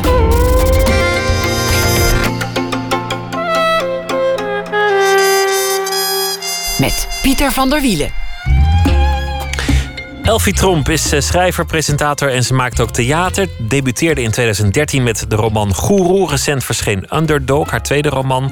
Ze is ook te zien bij een uh, interviewprogramma op het internet. Dat heet Jogging Man. En deze week zal ze elke nacht een verhaal voordragen over de voorbije dag. Elfie, goeienacht. Goeienacht, Pieter. Want jij, jij kan heel lang joggen, hè, las ik. Dat, dat jij echt uren, uren aan één kunt hardlopen zonder ook maar een beetje buiten adem te raken. Uh, nee, ik, ik jog wel heel langzaam voor dat programma. Uh, dus het is meer een beetje snel sloffen. En dan intussen iemand interviewen, al, al lopend komen de gedachten los. Ja, ja, het is uh, mensen die reageren veel eerlijker en oprecht eigenlijk als je ze bewegend vragen stelt. ze hebben geen tijd om echt na te denken of een pose aan te nemen. Dus dat is er heel mooi aan. Dus je krijgt hele oprechte verhalen van mensen te horen. Goed idee. Ik denk dat dat voor de radio een beetje heigerig zou gaan klinken als mensen buiten adem zouden raken. Ja, nee, dat moet je niet doen. Mooi. Maar het, Blijf maar gewoon lekker zitten waar je zit. Dat, dat zei ik ook een beetje uit comfort hoor, want ik kan niet hardlopen. Ik heb de motoriek van een dronken aardbei, dus dat zou, uh, dat zou er niet uitzien ook. Maar goed, nou, het dat gaat... klinkt wel heel erg goed, een dronken aardbei. Misschien moet ik jou toch eens uh, laten joggen. Nee hoor. een rondje Mediapark doen dan. Oh nee, nooit. Elfie, wat, uh, wat was de voorbije dag en wat heeft je geïnspireerd? Uh, het nieuws dat mij het meest uh, bijbleef toen ik de krant dichtsloeg... was het bericht over Jitske Akske. Ik hoop dat ik het goed zeg. En dat is de Dutch Batter, voormalig Dutch Batter... die naar Syrië afrees en daar sluipschutter werd... Tegen, om IS-strijders uit te schakelen. En die en, zichzelf uh, heeft geopenbaard via interviews waarin hij ook een klein beetje opschepte dat hij er een paar ja. had omgelegd.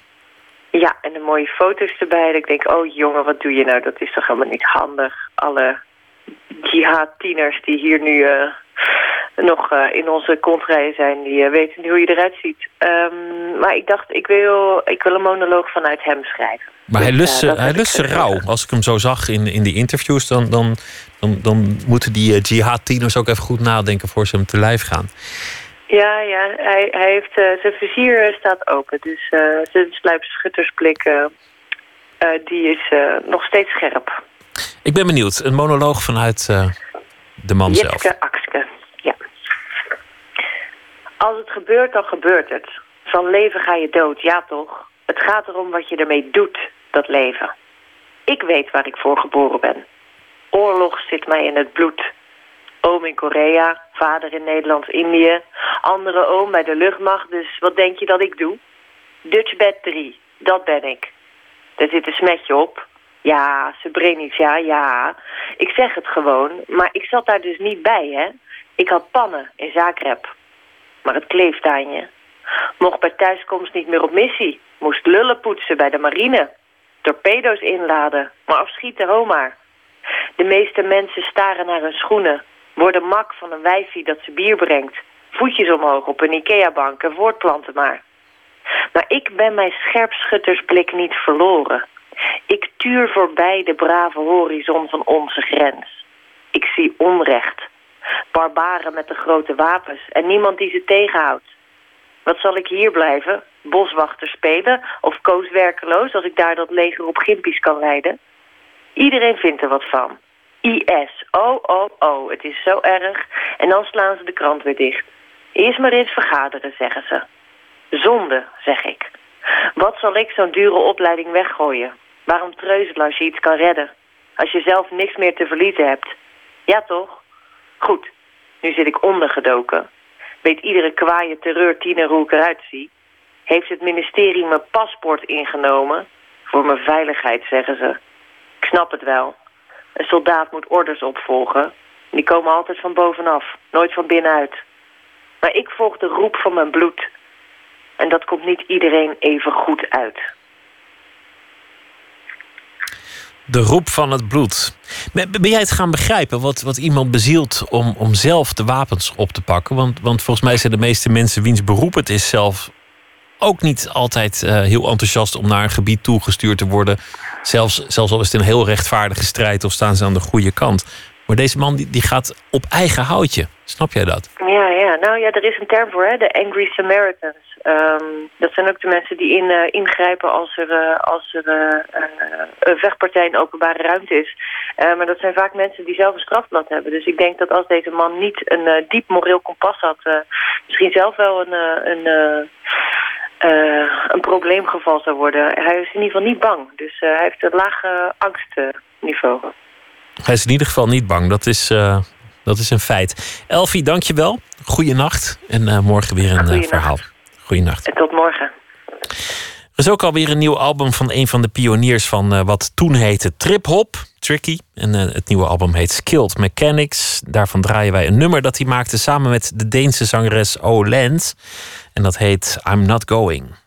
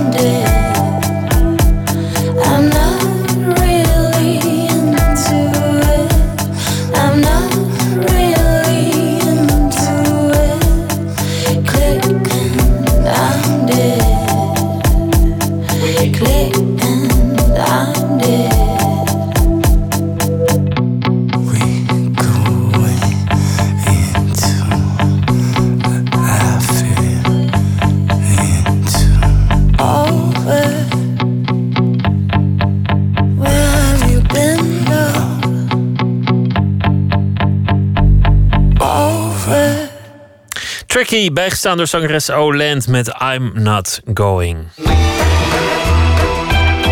Nooit meer slapen. Gesloten kolencentrales, oude gevangenissen en verlaten huizen. Fotograaf Marjolein Loppies kruipt door de ramen en fotografeert wat er overblijft als de mensen zijn verdwenen. Testamenten, haarlokjes en heel veel klimop. Verslaggever Adinde Akkerman zocht Loppies op in Galerie Patrice van Dorst in Wassenaar, waar het resultaat te zien is.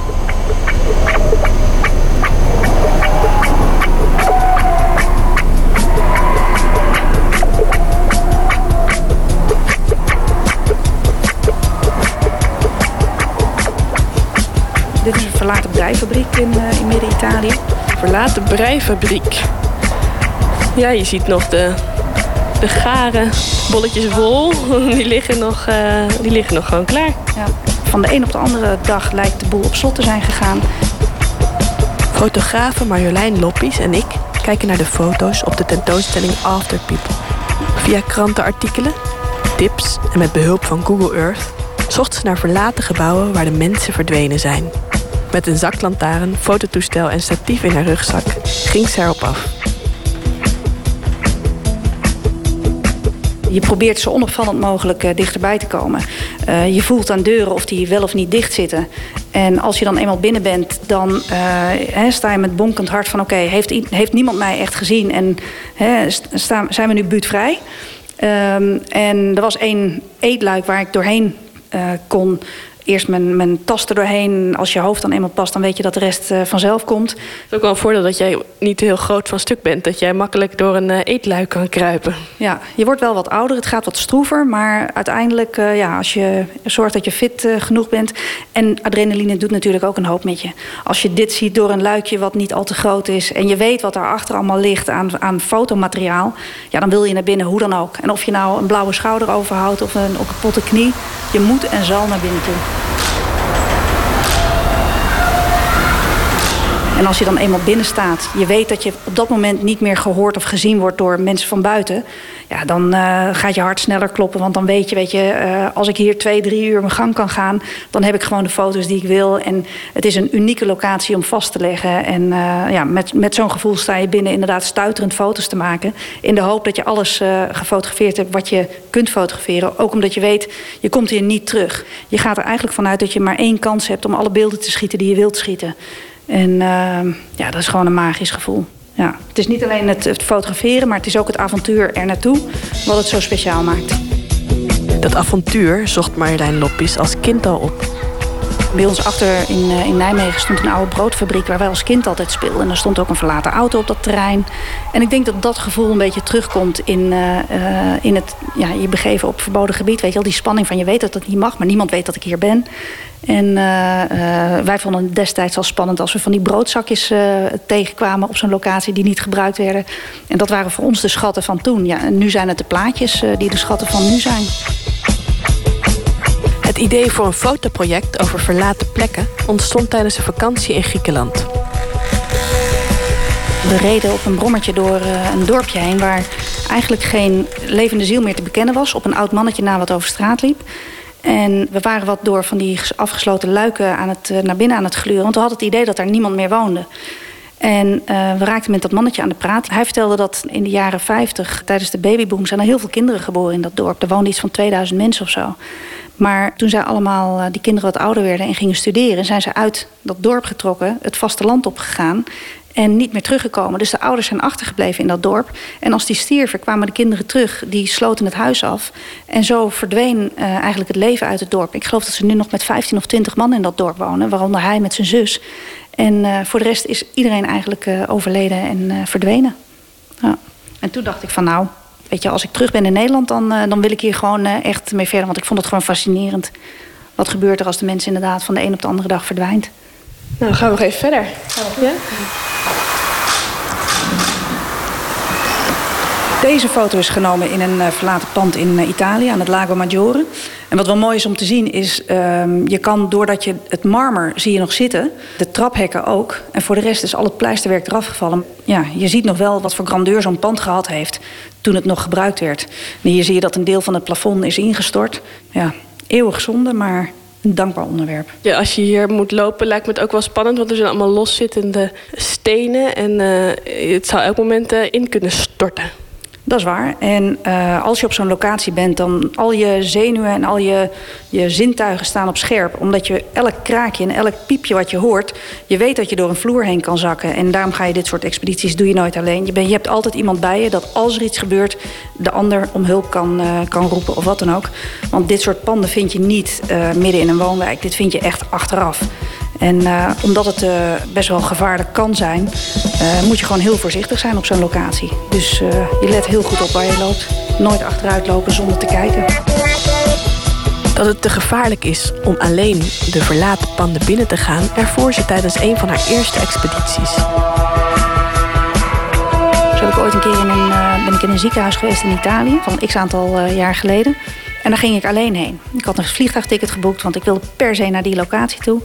En uh, het was februari, weet ik nog. En rond een uurtje of zes begon het te schemeren, of vijf, zes, ergens eind van de middag. Ik was er een uur of drie binnen geweest en heel veel foto's gemaakt. Maar het was een route van kruip door, sluip door. Een hek over, een uh, gang door, een andere deur door en weer door een ander gebouw. En toen stond ik uiteindelijk op de binnenplaats, een van de twee binnenplaatsen van dat gebouw.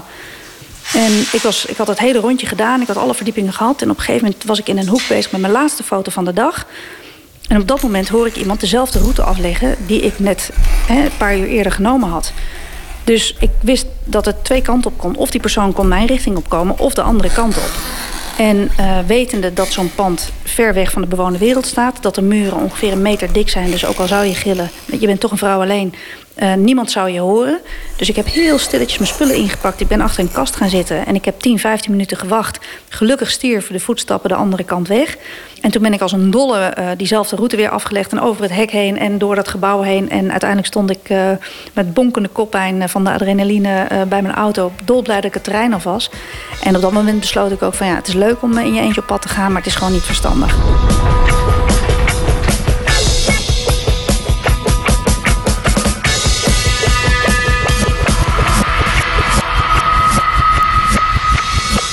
En dat is een, een hotel, ook weer in België. Het staat al jaren te koop.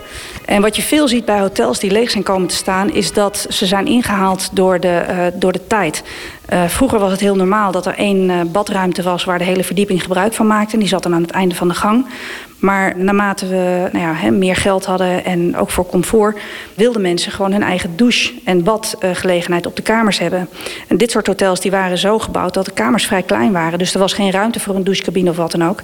Dus op een gegeven moment wilden mensen niet meer in dit soort hotels slapen. En nou ja, goed, er werden nieuwe complexen uit de grond gestampt. En dan blijft zo'n locatie blijft gewoon achter. Als je rechts kijkt, dan heb je nog een uh, mooie serre met een glazen dak... waar waarschijnlijk gedineerd werd. Hier zie ik dan de pianist zitten bovenaan de trap. En uh, waar wij nu staan, zeg maar, de dansvloer. Tenminste, zo stel ik het me voor. Ik heb geen foto's gezien van, uh, van 100 jaar geleden. Nee, maar er staat nog een piano en er staat zelfs nog een stoel voor de piano. Dus je zou er zo kunnen gaan zitten en spelen. Ja, ik weet niet of je er nog geluid uit krijgt, maar in principe wel, ja. En je ziet ook de lampen nog hangen. En dat maakt het ook wel, natuurlijk, ze hangen op half zeven. Maar het geeft wel weer hoe het er ooit uitgezien moet hebben ja, voor mij zijn dit hele dankbare onderwerpen. Want je kan je eigen verhaal ervan maken. Weet je, wel. je ziet een, een afbeelding waarvan je het niet helemaal kan plaatsen waar het is. Maar je verzint gewoon zelf je, je verhaal. Alle panden die je, die je ook hier ziet. Het zijn allemaal pre-internet dat ze leeg zijn komen te staan. Weet je, het is niet zo dat je even googelt van... oh, dat is dat geweest destijds. Nee, dit is leeg komen te staan. Misschien in de jaren 80, jaren 70, vorige eeuw. Het verhaal moet je erbij verzinnen. Of je doet dat aan de hand van paparazzen die je vindt. Maar ik ben me dus uh, documenten tegengekomen. Testamenten uit de jaren 60. Haarlokjes van kinderen die nog uh, in een bakje liggen. Kunstgebitten. Dus weet je, aan de hand van de objecten die je vindt... Uh, kan je vaak wel een invulling geven aan uh, wat zo'n pand voor functie moet hebben gehad. Dat je dan denkt van, hoe kan iemand dat hebben achtergelaten? Die haarlokjes, maar ook de kinderschoentjes, weet je Van toen de kinderen een half jaar of één jaar waren, weet je En dat dat allemaal achtergebleven is. Familiefotoalbums, waar gewoon nou ja, het hele gezin nog in staat. Foto's die in de gang hangen met het hele gezin. Gewoon dat, je soms wel eens afvraagt van, weet je, tuurlijk... We zijn allemaal sterfelijk en uh, uiteindelijk hopen we misschien een indruk te hebben achtergelaten als we gestorven zijn. Maar aan de andere kant, uh, dat hebben deze mensen ook allemaal gedacht. En alles wat voor hun ooit van heel veel waarde uh, was, is achtergebleven en verdwijnt straks met de stort. En het is niet meer. En niemand weet dat die mensen ooit geleefd hebben.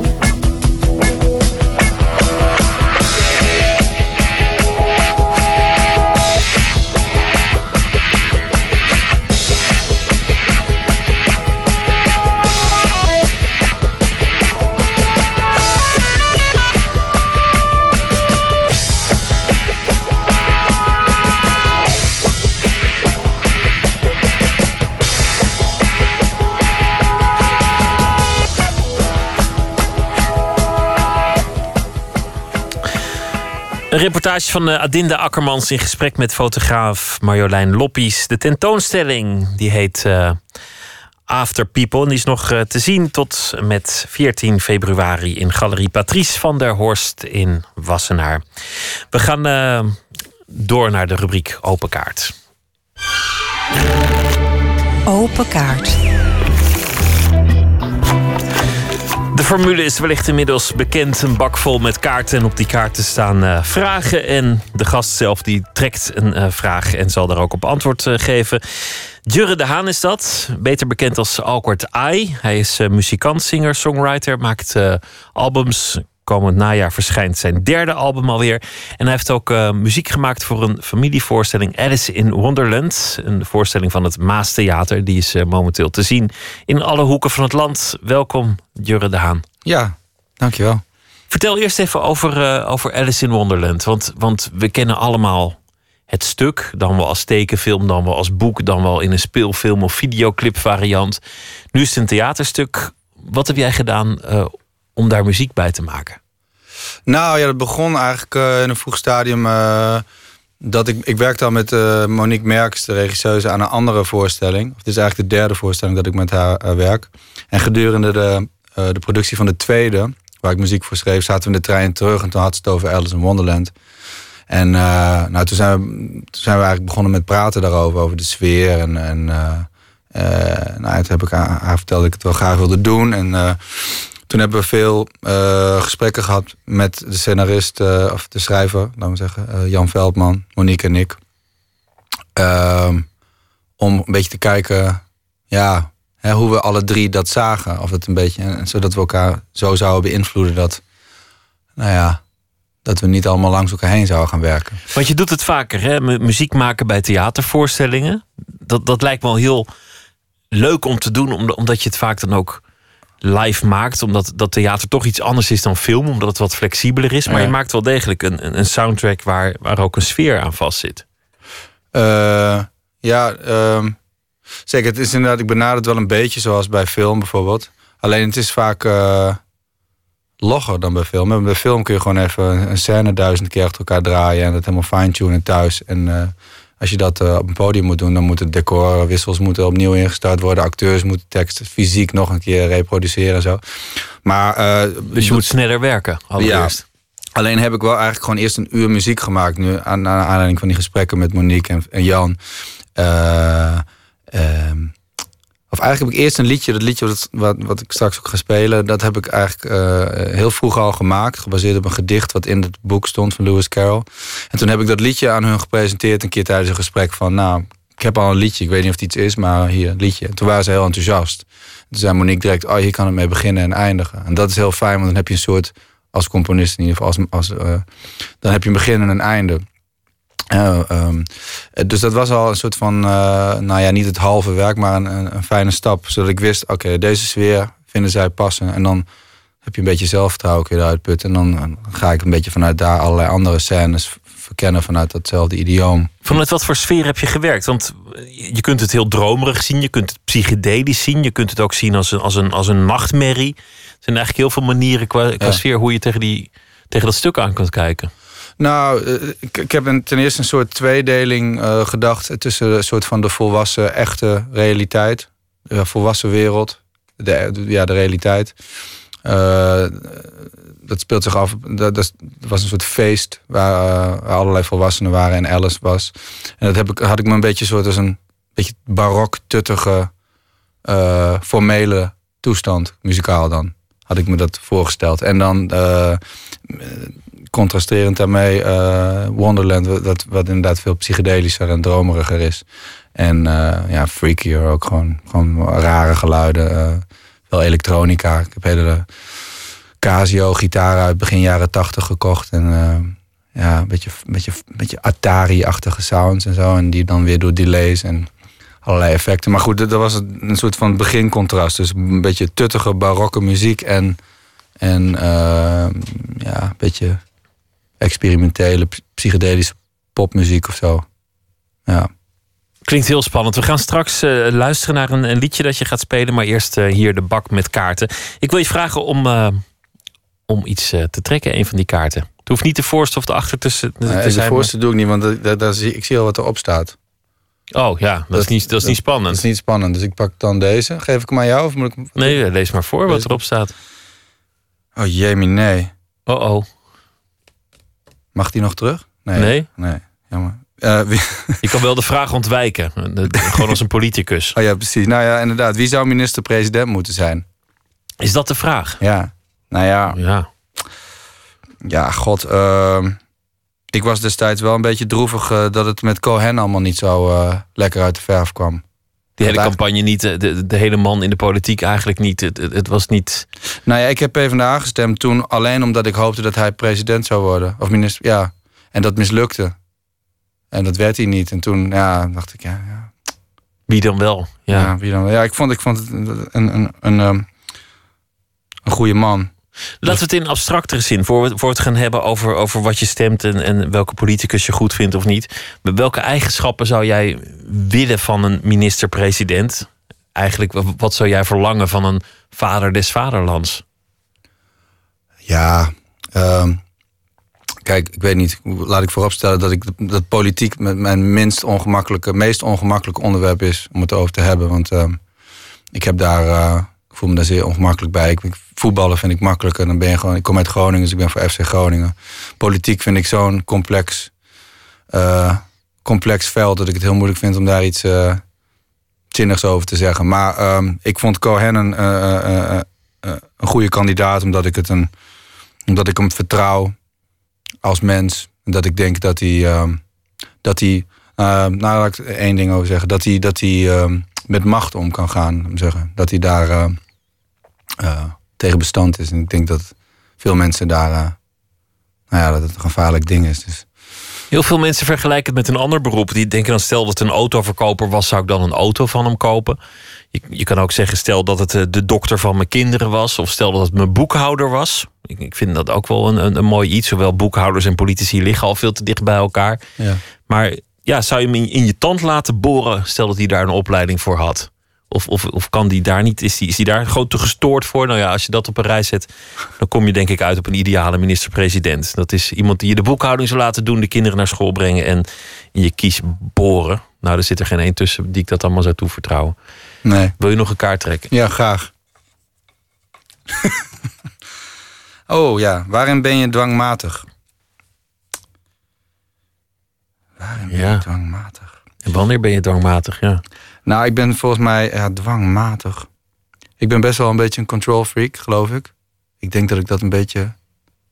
Nou ja, control freak is een beetje heftig gezegd. Maar ehm, ik, ehm, ik kan bijvoorbeeld heel dwangmatig 28 keer eh, kruimeltjes van, van de keuken, eh, van het keukenblad wegvegen. Weet je wel, tijdens het koken al, bijvoorbeeld. Terwijl ik net zo goed alle schillen kan laten liggen tot de maaltijd bereid is. En dan één keer zo, hup, Maar het, het is dan als een doorn in je oog. Je ziet dan in je oog ook dat die kruimels daar niet horen en toch liggen. Ja, en dan kan ik daarna zo de potjes op tafel zetten. En dan moet dat allemaal om mijn bord heen gepositioneerd worden. In een, op een manier waarop ik denk: oké, dan kan ik hier nu bij de koffie. En dan kan zo bij de pindakaart. Het is een beetje autistisch, lijkt het haast. En, ehm, maar goed, dat is met muziek ook een beetje zo. Eh, dat ik eh, dat vormgeven van, eh, van een liedje of van een, van een soundtrack of van ehm, ja, de theatermuziek of zo. Ja, dat ik daar wel van hou, dat, dat, dat ik het prettig vind dat je daar controle over hebt. En dat je overal beslissingen over kan maken. En, eh, eh, eh, Heb je rituelen voor een optreden of, of als je een liedje aan het maken bent? Wanneer je er klaar voor bent of wanneer het goed genoeg is? Gaat het ook volgens dwangmatige patronen? nee, dat gaat meer op, intu- op intuïtie wanneer het goed genoeg is. Je Als- voelt het wel. Nou, als ik het wil zingen, als ik het wil blijven zingen, dan is het goed genoeg, denk ik. Of als ik het blijf, wil blijven horen. En als het me, wat vaak het geval is, al eerder de strot uit gaat hangen. Of ik wil het niet zingen of het voelt geforceerd, dan, eh, Dan is het niet goed. dan mik ik het weg. Ja, precies. Trek nog een kaart. Hoe ver reiken je ambities?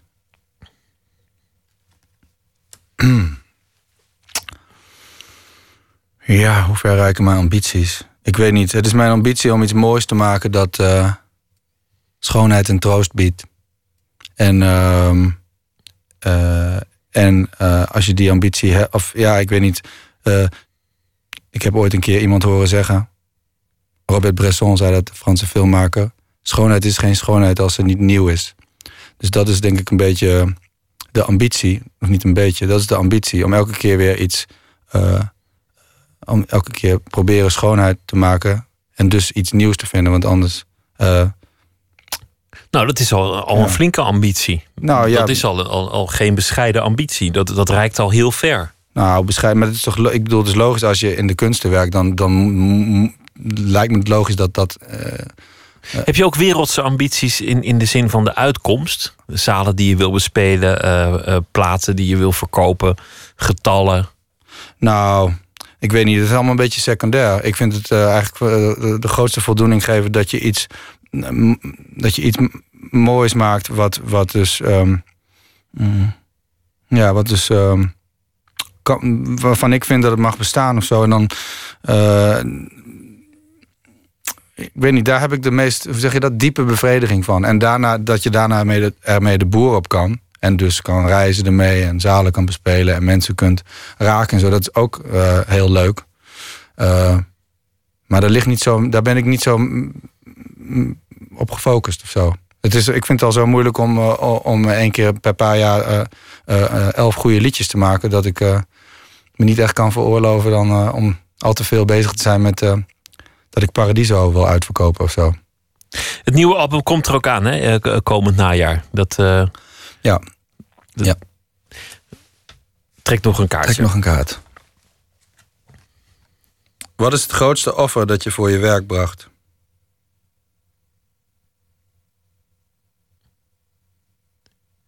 Ja, het klinkt alsof je wel veel opzij hebt moeten zetten in de loop der jaren als, als je de lat zo hoog legt. En als het een worsteling is om, om elke keer elf liedjes die aan, aan je eigen standaard voldoen af te leveren, dan, dan moet je daar andere dingen voor hebben laten schieten. Ja. Ik weet het niet. Een offer. Ehm, mm, ja, ik weet niet. Kijk, het is wel zo dat, eh, dat afzondering, alleen zijn, voor mij wel een soort voorwaarde is, denk ik, om iets te kunnen maken. Want ik geneer me anders als er iemand bij is. Dus Eh, iedereen moet opdonderen uit je huis als jij aan het werk bent of, of uit je werkplek. eigenlijk wel, ja. Betekent dat ook dat je alleen moet leven? Of, of kan er dan nog wel in de, in de daluren een geliefde rondlopen? Ja, nou, ik heb altijd het idee gehad dat dat eh, mogelijk moest zijn. Al eh, was het in het verleden nog wel eens lastig inderdaad. En heb ik wel vrij snel, als ik mij ehm, eh, niet vrij voelde, relaties beëindigd of zo. Omdat ik dacht, dit kan niet de bedoeling zijn. Als iemand met de mattenkloppers thu- thuis stond te wachten... of met een verwijtende doffe blik van... was je nou alweer aan het musiceren of is dat liedje nou nog niet af? Ja, inderdaad, zo banaal is het dan niet hoor. Maar het is meer een soort gevoel van eh, dat ik eh, eh, dat je graag met dat ik graag met z'n tweeën alleen zou willen kunnen zijn. Dus, hè, dus het voelt alsof je alleen bent, maar je bent eigenlijk met z'n tweeën. En zodra het echt voelt alsof het heel, ja, iemand is, dan, ehm, ja, dan, word ik daar, dan werd ik daar wel eens onrustig of ongemakkelijk van. Maar ehm, Zoals het ook fijn is als je, als je een lange autorit moet maken... en iemand rijdt mee, dat het fijn is als je kunt zwijgen... en samen naar de radio kunt luisteren... terwijl er ook mensen zijn bij wie dat ongemakkelijk voelt... en je dan maar nou ja, de precies. tijd moet doden met, met een conversatie... en dan is München ineens een heel stuk rijden. ja, precies. Ja, ja, ja. Daar word je doodmoe van. Ja, ik snap dat wel. We doen nog één kaart en dan is het mooi geweest. Oké. Wanneer is je werk gelukt? Ja, dat, dat zei je net eigenlijk al. Ik zei het net eigenlijk al een beetje. Ja. Kun, kun, kun je dat gevoel ook omschrijven? Wa- Wanneer je weet van dit klopt. Ik heb, het is me nu gelukt. Dit, dit liedje deugt. Nou, ja, ik heb bijvoorbeeld mijn eh, laatste geslaagde liedje, waar ik dan, eh, hè, daar ben ik dan ook meestal het meest blij nog mee, omdat het het meest recente is. eh, is dat luister ik dan terug nadat we het hadden opgenomen, de demo ervan. En ehm er is een soort gevoel van, nou ja, het leven is een soort chaotische bende, hè, waar, waar eigenlijk geen orde eh, in is of zo. Eh, en als ik een bepaald onderdeel van, dat, van het leven weet te vangen in een liedje en in een tekst, dan is het een beetje zo alsof er een soort tijdelijke orde, eh, ehm, eh, weet ik veel, poëtische orde of zo is. En dat is een beetje alsof je een soort klein beetje miniatuurgod spelen zo. Eh, en dat, en dat, Dat je even orde hebt gemaakt in dat chaotische universum... omdat dat één ding klopt of in balans is. Ja, dat je iets waars, iets moois, iets troostends hebt gezegd over, eh, ja, over een ding dat eigenlijk eh, hè, niet sluitend valt te beschrijven. Maar dat het voor dat moment lijkt het even zo alsof het, ehm, alsof het even gelukt is en alsof het, alsof het even lucide is of zo. En dat, eh, dat geeft me zo'n gevoel van, ja, ik weet niet, eh, een beetje troost aan mezelf ook, laat me zeggen. Dat is misschien ook wel de reden waarom, waarom, waarom ik ben gaan zingen of zo. Om, om- En als een liedje echt klopt, een, een liedje van, van, van wie dan ook, dan is het alsof dat liedje er altijd al had moeten zijn. Alsof dat liedje ook niet op een andere manier had kunnen gaan. Alsof dat liedje ook niet, niet had kunnen bestaan. Dan lijkt het gewoon deel uit te maken van, eh, van, van de schepping of de oerknal op de een of andere manier. Dat vind ik altijd zo wonderlijk. Ja, nee, er komt inderdaad een, een, een, een, stortvloed romantiek over je heen dan, hè? Ja. Ja, het is wel zo. Ik wil je vragen om je gitaar te pakken en eh één stuk te spelen. Ja, ik doe, ik doe even mijn koptelefoon af. Hoe heet het liedje dat je gaat doen? Het liedje heet zoals het gedicht ehm, wat aan het einde van eh, Alice in Wonderland ehm, gedrukt staat. Ehm, gedicht van Lewis Carroll. Dus het heet eh, A Boat Beneath a Sunny Sky. Ga je gang.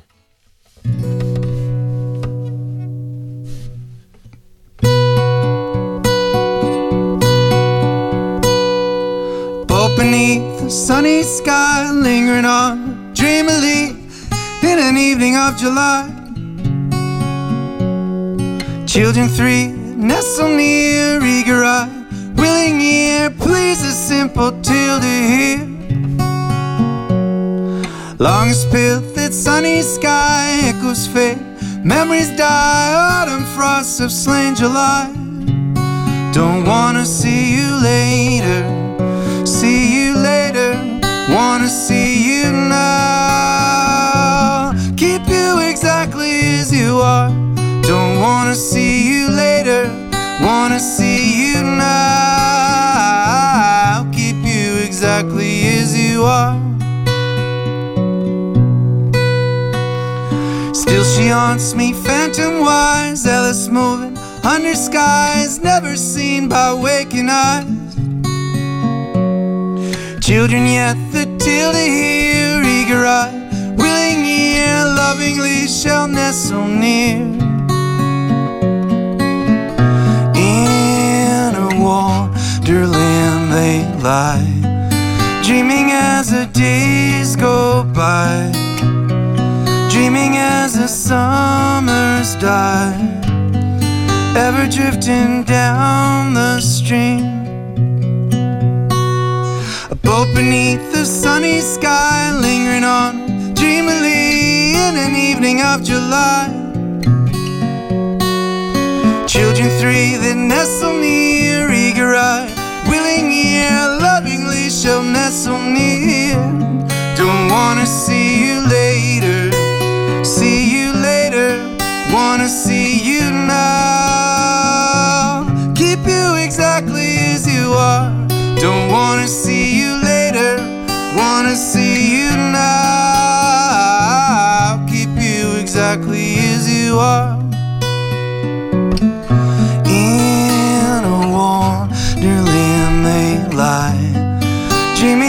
As the days go by dreaming as the summers die, ever drifting down the stream. In a wonderland they lie, dreaming as the days go by, dreaming as the summers die, ever drifting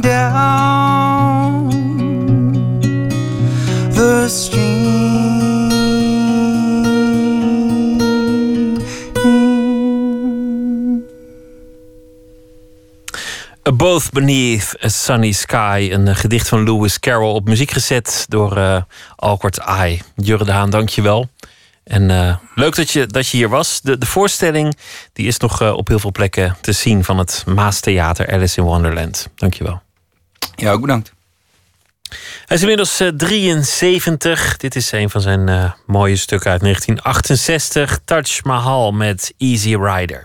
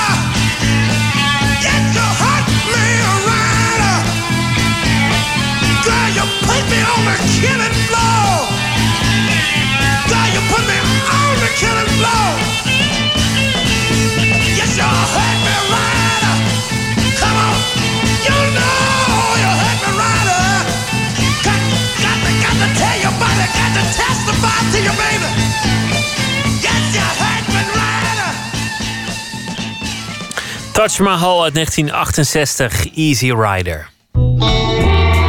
Nooit meer slapen. Herman Brood is al een eh, flinke poos overleden. 2001 was het. En het, eh, toch was hij ineens heel erg weer in het, in het nieuws. Want eh, nou ja, waar je ook gaat of staat, de naam Herman Brood viel te beluisteren. Nachtcorrespondent Tom Klaassen.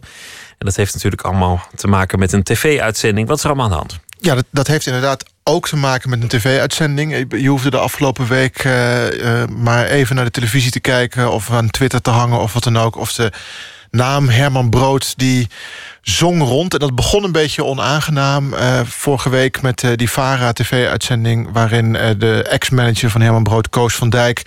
liet zien dat hij niet te bedonderd was... om echtheidscertificaten af te geven voor nep-broodschilderijen. Hij verzonde dan ook meteen maar een passende titel bij... en een verzekeringswaarde van 10.000 piek. Nou, dat is geen kattenpis. Ik heb het gezien. Het leek ook net echt, moet ik zeggen... voor het eh, ongetrainde oog. Gemaakt door de makers van Rambam zelf... die, die verborgen Ja. talenten bleken te hebben. Met een spuitbussie en een verfroller. En nou, zo makkelijk is het dus blijkbaar. Nou, Xandra Brood die was op de televisie. Die toonde zich eh, in de media behoorlijk geschokt. Wist helemaal niks van die praktijken af. Nou goed, we hebben het allemaal kunnen zien. Maar laten we vooral niet vergeten... dat er nog heel veel andere brooddingen aan de hand zijn. Bijzondere dingen. Dat komt voor een groot gedeelte... omdat eh, Herman Brood dit jaar 70 zou zijn geworden. Er is bijvoorbeeld een tentoonstelling in eh, Amstelveen... van Nooit Vertoond Werk. En Xandra Brood kwam afgelopen week op de proppen... met een heus boek, Rock'n'Roll Widow. Haar eigen verhaal, opgetekend samen met journalist Rutger Vaal. Een boek van iemand die, die Herman Brood echt goed heeft, eh, heeft gekend. Dat, dat, dat belooft misschien toch wel een opzienbarend inzicht in, in de man... die toch jarenlang een, een fenomeen en icoon was in Nederland. Nogal, ja. Ik had Xandra vanmiddag aan de telefoon en ze zei... ja, mannen die gaan altijd aan de haal met het verhaal van Herman Brood. En daardoor wordt alles wat je ziet en hoort over hem... altijd een enorm seks, drugs en rock'n'roll verhaal. Maar Brood was natuurlijk uiteindelijk gewoon ook een nou ja, tot op zekere hoogte een huisvader. En haar verhaal kent al die gebruikelijke hoogte- en dieptepunten... die bij een leven in de rock'n'roll horen. Nou ja, natuurlijk, dat zijn vreemdgang is natuurlijk toch echt funest geweest voor. eh, dat is natuurlijk absoluut helemaal niet leuk. En ik heb hem toen ook inderdaad, toen eh, er een keer iets was, toen heb ik ook echt drie, ja, duidelijk gezegd dat het toch beter is als hij in het atelier ging wonen. Dat was eigenlijk toen ik een heel groot zoutvat naar zijn hoofd gooide. Die nog jaren later nog eh, vrouwendienst deed bij ons. Zo'n hele grote van zo'n cafetaria met zo'n hele grote deuk er toen in. Het is goed dat ik gemist had, anders was Herman Brood gedood door zoutvat. Ja, nou ja, seks, drugs, rock'n'roll zei je. Dat vreemdgaan, dat, dat schaar ik dan toch maar onder seks. Wat, ehm, wat heb je nog meer? eh? Nou ja, kijk, dat is dus, eh, dat is dus een beetje wat je verwacht... van zo'n onverge- onverbeterlijke verbruiker van van alles en nog wat. Maar je leest in het boek van Xandra ook over een liefdevolle, schattige Herman Brood. Dat is een kant die volgens Xandra onderbelicht was gebleven. En die heeft ze in alle eerlijkheid willen laten zien. En daardoor kom je dus verder achter de voordeur dan ooit. Want met de camera erbij deed Brood graag eh, een dansje extra. Maar thuis maakte hij eigenlijk helemaal geen show. Nee, dan kon hij ook rustig zitten tekenen. Of dan inderdaad, dat komt steeds voor, dat hij heel graag spelletjes speelde. Ehm, ja, wat voor, hoe hij de biefstuk bakt, zeg maar, dat hij plat geslagen moest worden.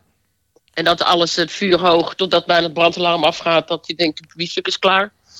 Dat soort... ehm, dus thuis was het wel echt een andere man. En eh, ja, met Duplo spelen en die kinderen steeds overal mee naartoe nemen. Dat vind ik interessant aan, aan het genre rock'n'roll biografie of, of memoires in de rock'n'roll. Eerst bouwen mensen een imago op van iemand als een rock'n'roll god, seks, drugs, rock'n'roll. Om Ja. dat vervolgens weer te deconstrueren. En dan weet je dus dat Bill Wyman metaaldetectoren spaart en boos wordt als hij zijn bloemen niet kan declareren. Ja. En, en dat eh, Freddie Mercury heel erg dol was op zijn katten en die uren en uren kon borstelen. En dat Herman Brood dus met Duplo speelde. Zo is het maar net. Ja. En die menselijke kant van de, van de rock'n'roll junkie... die zit dus inderdaad heel leuk in dat boek. Uiteindelijk zijn we natuurlijk allemaal eikels en Herman Brood ook. En Ja. ja, wat zou je zeggen? Nou, exact dat. Dat, dat. dat hij dus gewoon een beetje was zoals de rest. Precies. En eh, eh, dat boek dat doet blijkbaar iets met mensen. Het is namelijk pas een week uit en het is nu al aan een eh, tweede druk toe. Maar voor de liefhebbers van de seks, drugs en rock'n'roll kant van de carrière van Brood is er ook iets. Xandra die noemde het leven van Herman Brood al een soort jongensdroom. En de romantische kanten van dat bestaan die komen ruimschoots aan bod in de voorstelling Shea Brood. Dat is een soort musical die geen musical is. Althans, Jan Rot en Victor Leu zijn een aantal makers. Die eh, willen het absoluut geen musical noemen. Rock'n'roll spektakel noemt Jan Rot het. En eh, Victor Leu noemt het rocktheater. En in die voorstelling komt de gekte van Brood naar voren. Maar we zien hem ook zoeken. En het is geschreven door eh Bart Chabot... in samenwerking weer met Ganda en Lola Brood... en Hermans zus Beppie. Het zwaartepunt ligt op de theaterprogramma's... die Brood samen met Deelde en Chabot maakte. En op de show die Brood vlak voor zijn dood... nog in zijn eentje had willen maken. Herman had het eh, theater ontdekt. Na een leven lang in de rock'n'roll eh was hij op, met, met Jules en Bart. En, eh, en hij zei, god, eh, i- iedereen zit op stoeltjes. En als je wat zegt, dan luistert iedereen. Dus je kan zeggen wat je wil. En eh, Herman was erg van het filosoferen altijd. Maar dat, dat kon hij hier ineens doen. Gewoon zijn eh, gedachten kwijt. Ik, ik vond het leuk, leukst altijd van die one-liners van hem. Van eh, een onderbroek, dat houdt maar op. Of eh, wat zie je poep, moet je witten. En dat, dat soort zinnetjes. Al dus Jan Rot, het moeilijke is met dit soort voorstellingen dat het heel erg ervan afhangt of iemand goed de rol kan vertolken. We hebben allemaal een beeld van Herman Brood. Zeker eh, eh, de mensen die, die nog hem hebben meegemaakt. Hoe, hoe, ga je dat, hoe gaan ze dat doen? Hem, hem neerzetten? Hoe, hoe, eh, Nou, volgens Jan Rot is het voor een groot gedeelte afhankelijk van Stefan Rokenbrand die Brood speelt. En Victor Leu, de regisseur, die heeft zich maandenlang ingegraven in allerlei anekdotes en allerlei verhalen over Brood. En dat is inderdaad lastig, want het gaat dus om een veelkantige persoonlijkheid en iemand die echt een clown was. Hè. Het was altijd showtime voor hem. Het mocht nooit saai zijn. En die Leu die kwam dus ook weer uit bij dat rustpunt van Brood... die vlak voor het einde van zijn leven nog die ene one-man show maken wilde. Ik wil eigenlijk eh, tegen de mensen eh, kunnen praten over, eh, over de, de, de, grote waarom-vragen van het leven. Waarom zijn we hier? Wat doen we hier? We weten niets. over liefde, wat dat, wat dat is.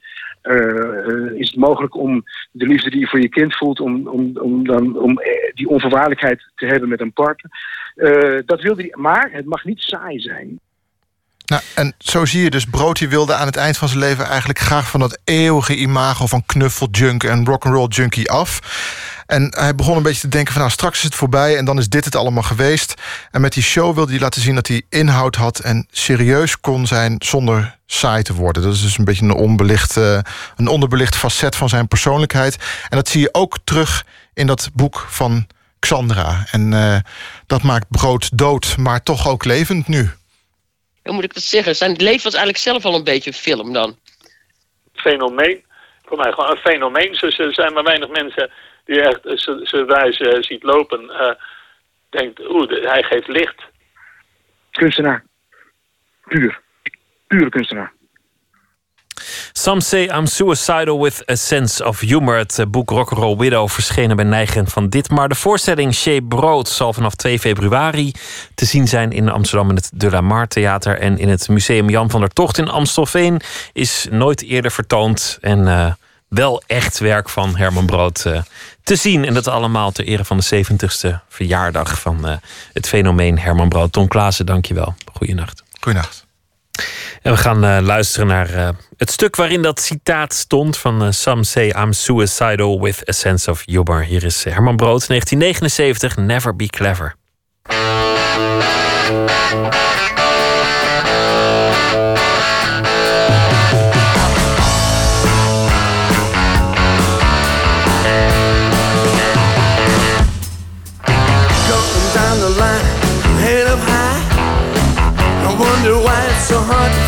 Fine.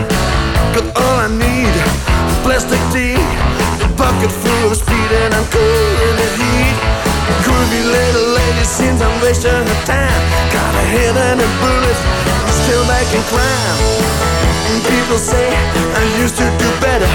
I guess I'm gonna have to get myself together, but I never.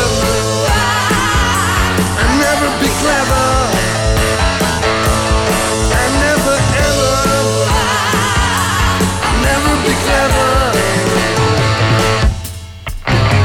Some say I'm suicidal with a sense of humor. Some say I'm breaking it up, trying to start rumors.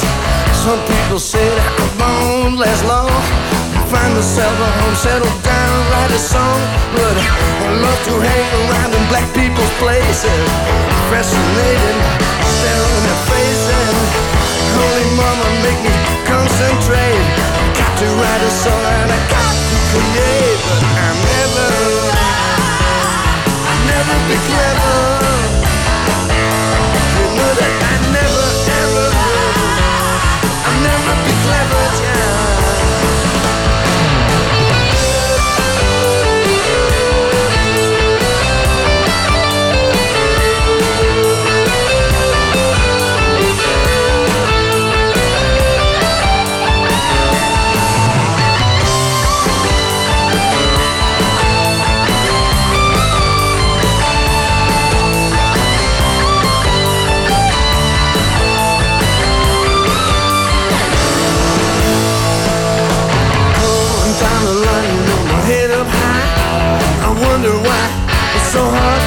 fine.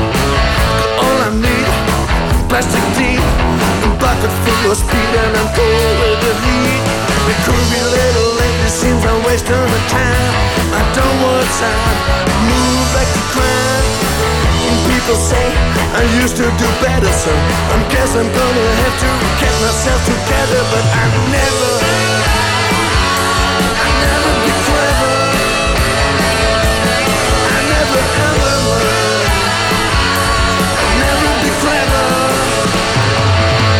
you notice?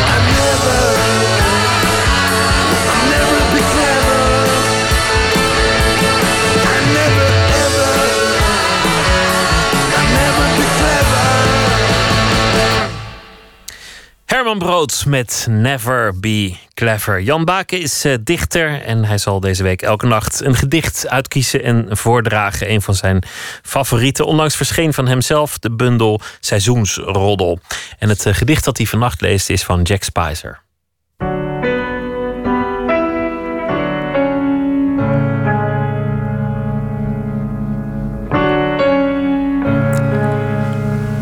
Een gedicht van Jack Spicer.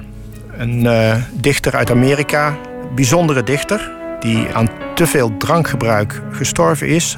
Leidde wel een heel eh, heftig leven. Eh, was ook homoseksueel. Wat vanzelfsprekend in de tijd waar we het nu hebben, 50 jaren, 50 jaren, 60, toch wel heel erg de zelfkant betekende. Een bijzondere dichter die ook heel veel gebruik maakt van de sferen en metaforen die ontleend zijn aan journalistiek, sport. En uh, daarin een hele eigen toon heeft gevonden. Dit gedicht heet Sportleven en komt uit de bundel Language uit 1964. Lastig aan de vergelijking van een dichter met een radio is dat radio's geen littekenweefsel ontwikkelen. De buizen branden door, of bij transistors, wat de meeste zielen zijn, de al dan niet vervangbare zenderschaal en batterijen, maar nooit zoals die dronken vechtersbaas in de kroeg. De dichter neemt te veel berichten aan. Het recht van het oor dat hem in New Jersey vloerde. Het recht te zeggen dat hij zes ronden stand hield tegen een kampioen. Dan worden ze bierverkoper, of gaan bij een sportcommissie, of als het littekenweefsel te zwaar is, laten ze in een kroeg zien waar de onzichtbare kampioenen hem wellicht niet geslagen hebben. Het zijn er veel. De dichter is een radio. De dichter is een leugenaar. De dichter is een radio die terugslaat. En die berichten, God zou ze nooit vervloeken, weten niet eens dat ze kampioenen zijn. Het gedicht Sportleven van Jack Spicer, uitgelezen en voorgedragen door Jan Baken. Dit was Nooit meer slapen voor deze nacht. Morgen dan zijn we er weer. En dan komt beeldend kunstenaar Jonas Staal langs. Hij uh, is iemand die uh, geëngageerde kunst maakt, politiek getint werk. Hij wordt door sommigen een radicaal denker genoemd, maar daar moet hij zelf niet zo heel veel van weten. En het woord activist zegt hem al helemaal niks. De New World Summit is door hem opgericht in 2012 en dat bouwt alternatieve parlementen voor stateloze organisaties die uitgesloten zijn van democratieën in uh, gebieden over de hele wereld, bijvoorbeeld in uh, Koerdisch Syrië. Dat morgen in Nooit meer slapen. Voor nu een hele goede nacht. En uh, ik hoop dat u morgen een leuke dag heeft. En dan dat u weer gaat luisteren. En zometeen op NPO Radio 1 kunt u luisteren naar uh, Top Radio met Jurjen van den Berg. Goeienacht.